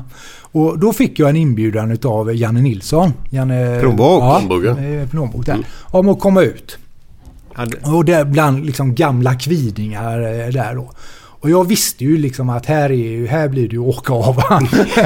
Du får lite problem ja. här kommer Men du, du hade ju ditt drömkort att du gav Idje sånt jävla bra betyg. Ja, precis. Men då var det ju så att det, det, Och det, det, det visste jag ju att det, det, det skulle ju hända då. Men eh, ja, eh, nu får du prata med Janne eller de andra då. Va? Men det var ju många som kom fram efteråt i alla fall. Som sa, nu fattar vi. Liksom, nu vi fattar detta och vi fattar att klubben har gjort fel och hela den biten. Då, va? Samtidigt så tycker jag att vi har haft en bra relation med Kviding efteråt också. De har bytt styrelse och allt sånt där. Då, så det, Ja men det är väl så lite. Jag vet inte, var han ordförande då? Han som gick till ÖIS, Nord eller vad hette han? ja, Jo- Joakim Nord. Ja. Nej, eh, Joakim tror jag inte var där då. Nej. Men i alla fall, det är jättebra för det är inte så... Man måste ju rensa.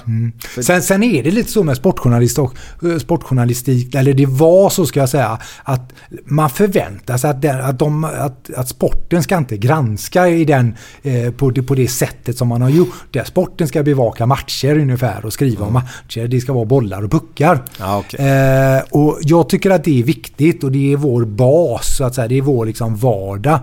Men för mig så har sportjournalistiken, jag tycker att det är viktigt att ha ett samhällsperspektiv in i det, eh, in i den biten också. Och det är klart att klubbar och, och politiker, idrott och föreningsnämnden, Gotevent och alla de här som är runt om idrotten. Det är klart att vi är, vi måste granska vad de gör och hur de hanterar, för det är våra skattepengar. Ja, ja, ja. Alltså det, det är klart, jag menar, jag, jag springer på Abbe på Gotivent eh, titt som tätt. Det är klart att han inte tycker det var roligt när vi skrev om konstgräset som aldrig kom till på Gamla Ullevi. Till, eh, det var väl premiären i fjol då va?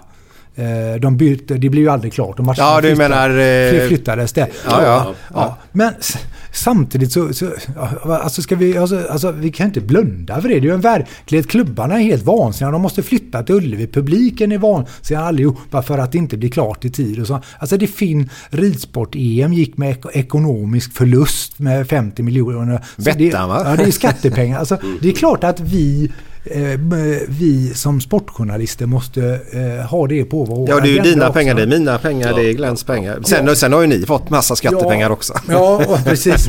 Och sen, det, är ju- men det är ju samma sak med IFK Göteborg. Det är klart att, eh, att nu kommer de med sitt ekonomiska resultat här eh, om ett par veckor i samband med det här. Va? Det är klart att det finns plus och minus där. Oh ja. Och det gör ju att, liksom att vi, vi måste ju också lära oss att tolka ett bokslut. Mm.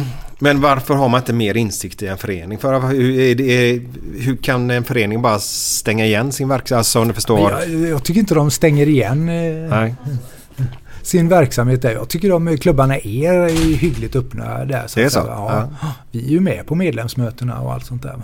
Ja, men man får ju inte insikten om du förstår vart alla pengarna tar vägen. Det är det vi undrar, vi vanliga då Glenn. Jag, jag och Glenn har ingen koll på det. va? Nej men det är det jag menar förut. Du sa det att det måste ju ta en jävla tid att få, få alltså, veta exakt vad, vad som har hänt liksom. Eller, det är ju ingenting man gör över en handvändning bara. Nej, men över en öl som du gjorde med, med Erik Hedman då va? Ja! Erik, eh, Erik Eva, det, är- det är också en sån eh, himla god eh, eh, kille måste jag säga. Erik är eh, eh, där. Eh, Han var, han var ju proffs i eh, Tottenham. Var det där han gjorde det grymma målet? Ja. Långskottet? Ja. Eh, det, jag tror det faktiskt var mot Liverpool. Jag kan ha fel där men eh, det kan ha det. Jävlar vad fint det var i alla fall. Ja, det var också där han åkte på den här fruktansvärt brutala hjärnskakningen om ni kommer ihåg det efter en nickduell där. Jag vet han har inte på någonting men Ja. Han, eh, han bodde i alla fall uppe i, eh, i Hampstead i, i London. Ett jättefint kvarter där. Fredrik, Fredrik bodde där också. Eh, Ramesh Ja, Ljungberg. Ja, eh, flera Arsenal-spelare bodde där. Så eh, vi skulle träffas där. Eh, och detta var, kan vara, det var precis när Simor hade köpt rättigheterna till Allsvenskan och började visa dem. Så eh, eh, vi, vi, jag tog tunnelbanan upp till Hampstead och så stod Erik där med sin bil och så skulle plocka upp mig då. Eh, och så hoppar jag in i bilen och hälsar och sånt där då. Och så säger han till mig, för jag, jag, jag tror att vi drar till ett ställe där de visar Helsingborg-Djurgård. Och så tänkte jag, Helsingborg-Djurgården liksom, fan vi är i London nu. Ja men jag, jag, jag, jag vet en pub som visar det, säger han. Oj. Ja visst, så vi åkte igenom halva London där och så hamnade vi eh, på den puben som ligger mitt emot Svenska kyrkan. Nästan i Bayswater i London. Eh, det är en, en ga- ganska stor pub som ligger pre- precis mitt emot där. Och där stod vi inne på den här puben, jag och Erik. Och så ser man då liksom eh, eh, Helsingborg, Djurgården på en pub i London. Och så hör man Arne Hegerfors kommentera matchen. Ah. Och det, var- det var rätt. Det var, liksom, det var ju innan liksom när TV ex, eh, tv-sändningarna exploderade där då. va. Så det var... Eh, så det var lite en udda, det blev ett väldigt bra reportage kan jag säga där då. Va? Väldigt udda där va. Erik var för, för övrigt, eh, som jag sa där, eh, väldigt trevlig där. Men han, han hade också ett humör. Någon annan resa när jag skulle träffa honom i London så eh, eh, skulle de möta Crystal Palace nere på Sellers Park. Och det gick fullständigt åt pipa för eh, både Tottenham och eh, eh, Erik där. Så eh, de, de förlorade med 5-0 eller något sånt där. Och Erik blev utbytt i halvtid där. Oj. Ja visst, så jag gick fram till eh, Tottenhams presschef där i halvtid och sa liksom bara så du vet det, jag, det är jag som vill träffa Erik efter matchen där då. Ja, vi får se hur det blir med det då. Och sen så, sen så efter matchen där då så liksom, liksom man eh, går lite försiktigt i de här gångarna. Du är Erik klar snart där då? Eh, och det var han ju inte då. Då hade han ju pepit hem där efter, eh, efter halvtid och så åkt raka vägen hem och var dyngförbannad. Så det blev inget reportage där heller. Nej, men det, kan man förstå ibland. Ja, ja, herregud. Däremot jag pratar med honom dagen efter så det funkar. Ja, ja men det är sådär lite, kommer du ihåg när, när, när Blåvitt 87 mötte Dundee bland Ja, annat? ja, på T- Tennedice Park. Ja, jag tänkte mer på när de var Ja, även här i skottarna och detta då. Nej men då fick man lära sig att ja, fem minuter efter match kan man deppa va? Men sen efter det så Ja. är det fest va? Ja. Får man glömma det. Fem precis. minuter får man sura, det räcker. Ja. Jag gillar den här inställningen Ja, lite nej, grann. men så är det ju. Hur var du Glenn efter förlusten? Förlusten? ja, någon match har du väl förlorat? Ja, ja, efter förluster menar du? Ja. Ja. jag tänkte snacka om den matchen. Nej, Det- efter- Man, nej, nej, men det visst fan är man sur om det är viktiga matcher liksom. Det är klart att man är, man är inte lika trevlig som man är om man har vunnit. Ja, men hur länge sitter det i på det om man säger... Nej, det sitter inte i länge. Den kvällen, sen Ja. är det bra. Men du, jag, jag måste fråga dig eh, en sak. Jag, eh, hade inte du Janne Jingeryd hemma hos dig en gång i Liverpool? Jajamän. Han var dyngrak. Han var, barn, han var barnvakt. Och- Han var barnvakt. Och ni gick igenom din telefonkatalog va? Re, re, re, ringde ni inte till en himla massa... Jo, vi ringde säkert men jag kommer inte ihåg vilka vi ringde nu. Nej, okej. Men jag vet ju bara att vi hade varit ute Ja. en kväll. Eh, Så hade han varit barnvakt. Aha. Och jag kommer inte ihåg, det måste varit Anton och Alex. Anton och Alex var Det första vi ser är Alex i fönstret där uppe liksom Gråter liksom. Vad fan är det? Går in. då, då ligger han raklång på golvet och har svängt en 75 av något slag eller någonting. Jag kommer inte ihåg var, men Och det är ju meningen att säga något då. Nej, nej. Så, så det får vi ta den dagen Ja. efter. Men han var helt införstådd med att det kanske inte var så jättebra. Nej. Säg jag kan inte ta det då. Nej, man ligger däckad. Nej men det var men Janne en jävla bra gubbe. Suveränt. Fan, men han var ju över då eh, strax efter han hade mist sin fru i cancer. Det här var Ja, okej. Ja, okej. Men det var under Tipsextra-tiden kan man säga det va? Ja, det är ju fan 89-90 någonting. Ja. sånt där. Ja.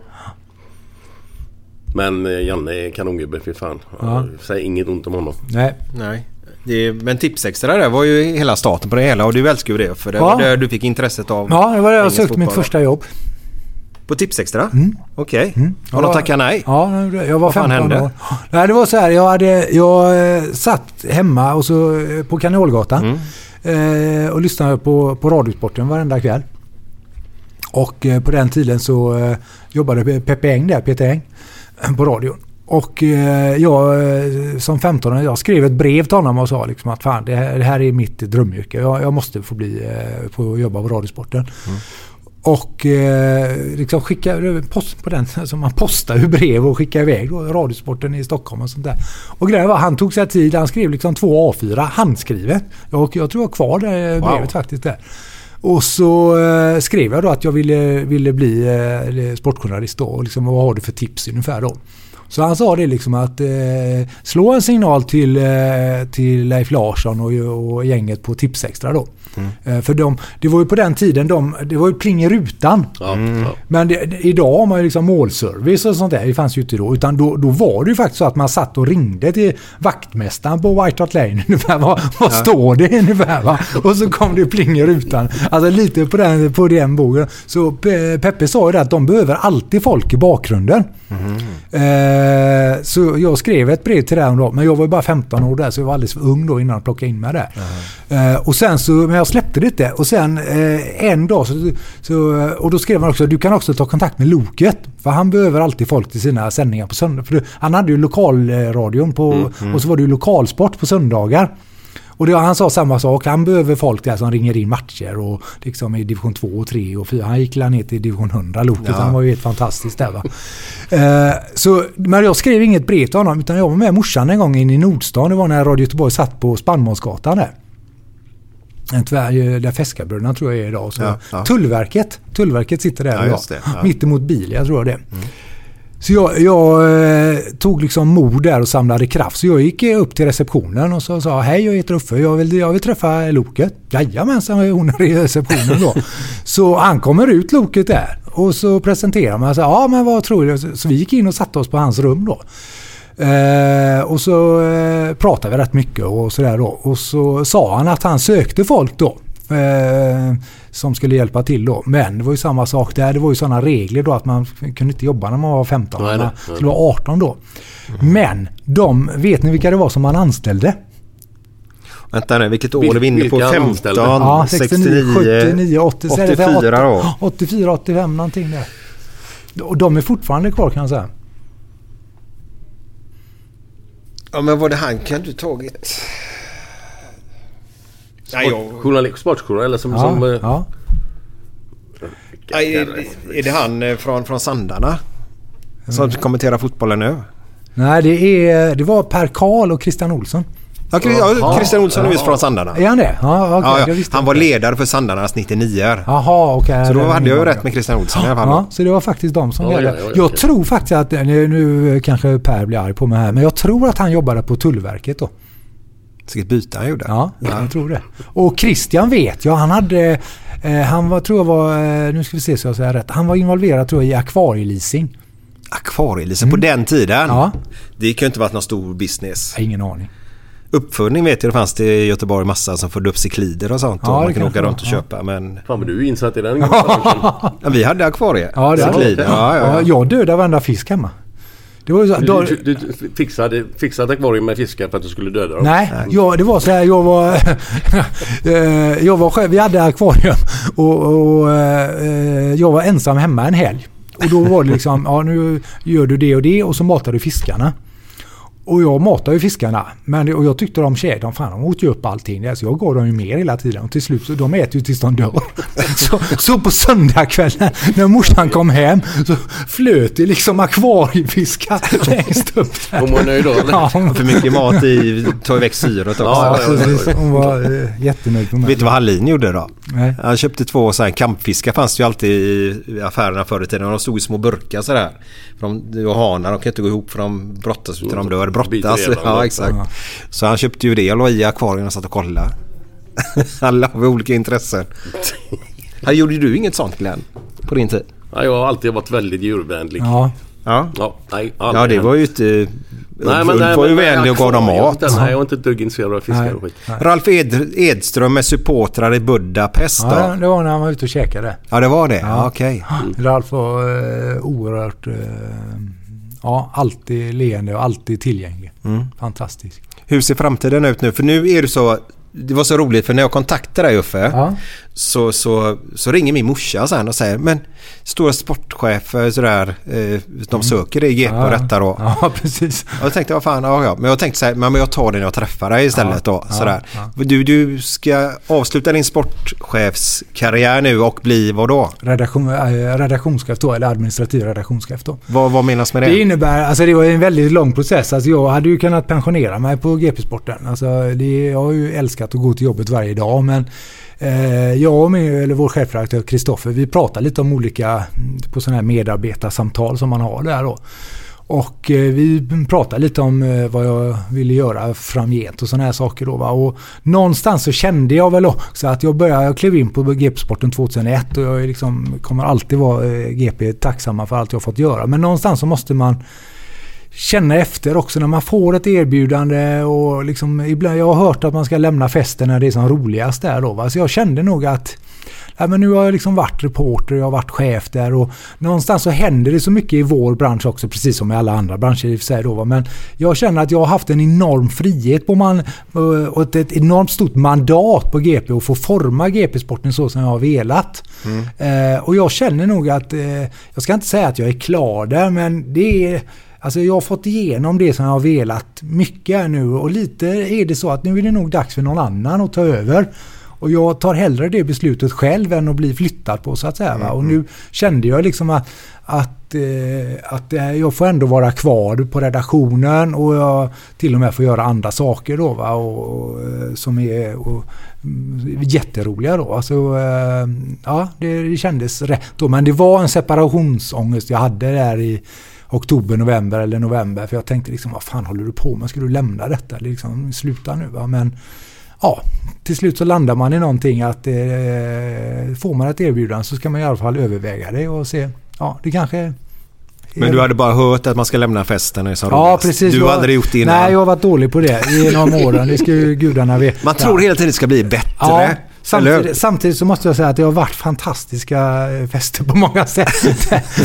Men det är klart att eh, emellanåt skulle man kanske gått hem lite tidigare. Mm. Men, eh, men, ja, men det är ju lite så. Man är som man är. Man har sina fel och brister. Och, eh, eh, någonstans så kommer man alltid tillbaka. Eller jag försöker alltid komma tillbaka till att man är väldigt lyckligt lottad. I mitt fall, jag har liksom många av mina barndomskompisar kvar som jag värdesätter oerhört mycket och försöker underhålla och vi gör mycket. Vi ska åka till Hemsedal här nu till, om någon månad.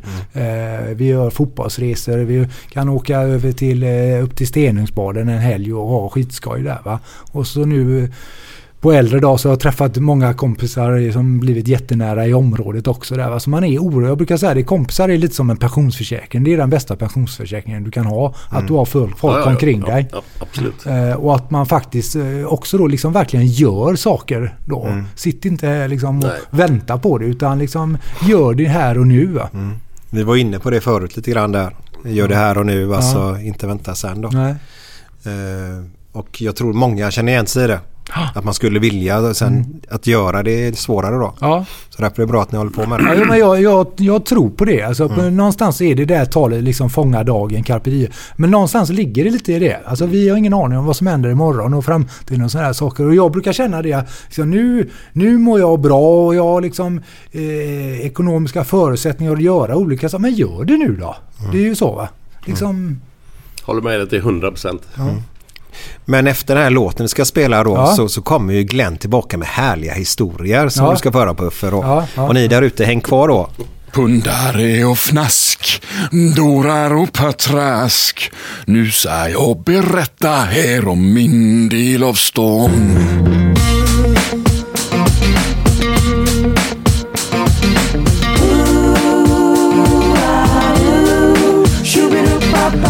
Mellan drar en marinella, alla här är kriminella. Turkarna på hörnan står och säljer tjack.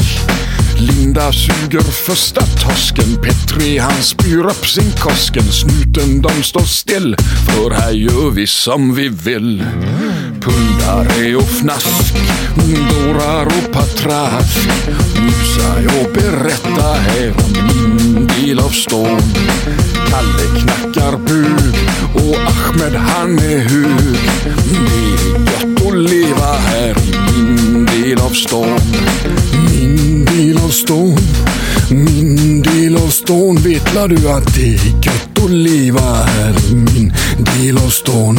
Ena min del av stan, min del av stan. Det är gött att leva här i min del av stan. Kom igen tjejer. Ni får gärna skaka lite också. Se på mig är vi ju alla bröder utom Nils för han är död. Han söp sönder kroppen sin och trällade av pinn. Vi får bidrag så det räcker. Valium och fula flickor. 18 jugoslaver har en servicebutik. Pundare och fnask. Dårar och patrask. Nu ska jag berätta här om min del av stan. Vi meckar en banan mens vi gömmer oss från spån. Det är gött att leva här i min del av stan.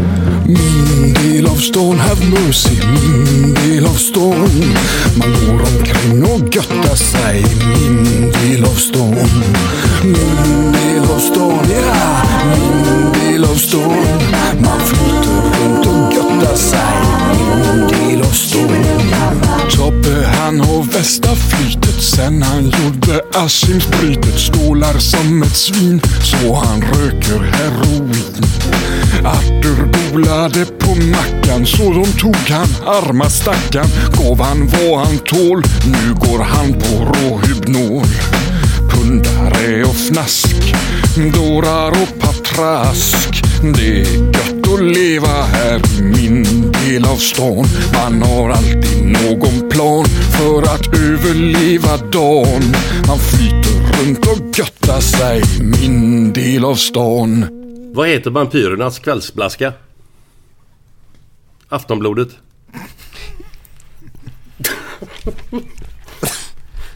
Men eh, den, den här måste vi... vi den, det, jag vet att jag har sagt den här. Det, det. Jag tar denna först förresten. Ja. Vilken skådespelare samlar på massa eh, telefonnummer?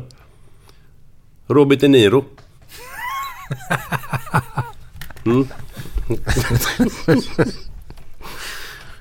Nej men det var faktiskt så här att det var ett äldre par som hade problem med sexlivet. Så eh, ja, jag gick till läkaren och frågade läkaren vad är problemet? Nej, vi har testat allting. Det är dildos och leksaker och hela skiten. Med och allt. Finns, ingenting som funkar. Nej, men jag har en, en ny metod som läkarna. Att jag kan operera in en eh, magnet i din penis och så opererar jag in en magnetplatta i din frus mutta och så kommer ni hit om en månad får ni se vad som hänt. Ja visst. Så går det en månad. Kommer kärringen tillbaka då. Fan, lite ledsen så. Vad är det med dig? Nej, min man han sitter inne. Sitter han inne? Vad är det som har hänt? Han var nere på Vallalabadet och så simmade förbi en 11-åring med tandställning.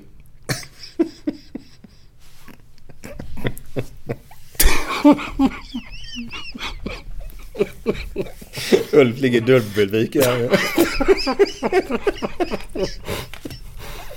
Ja.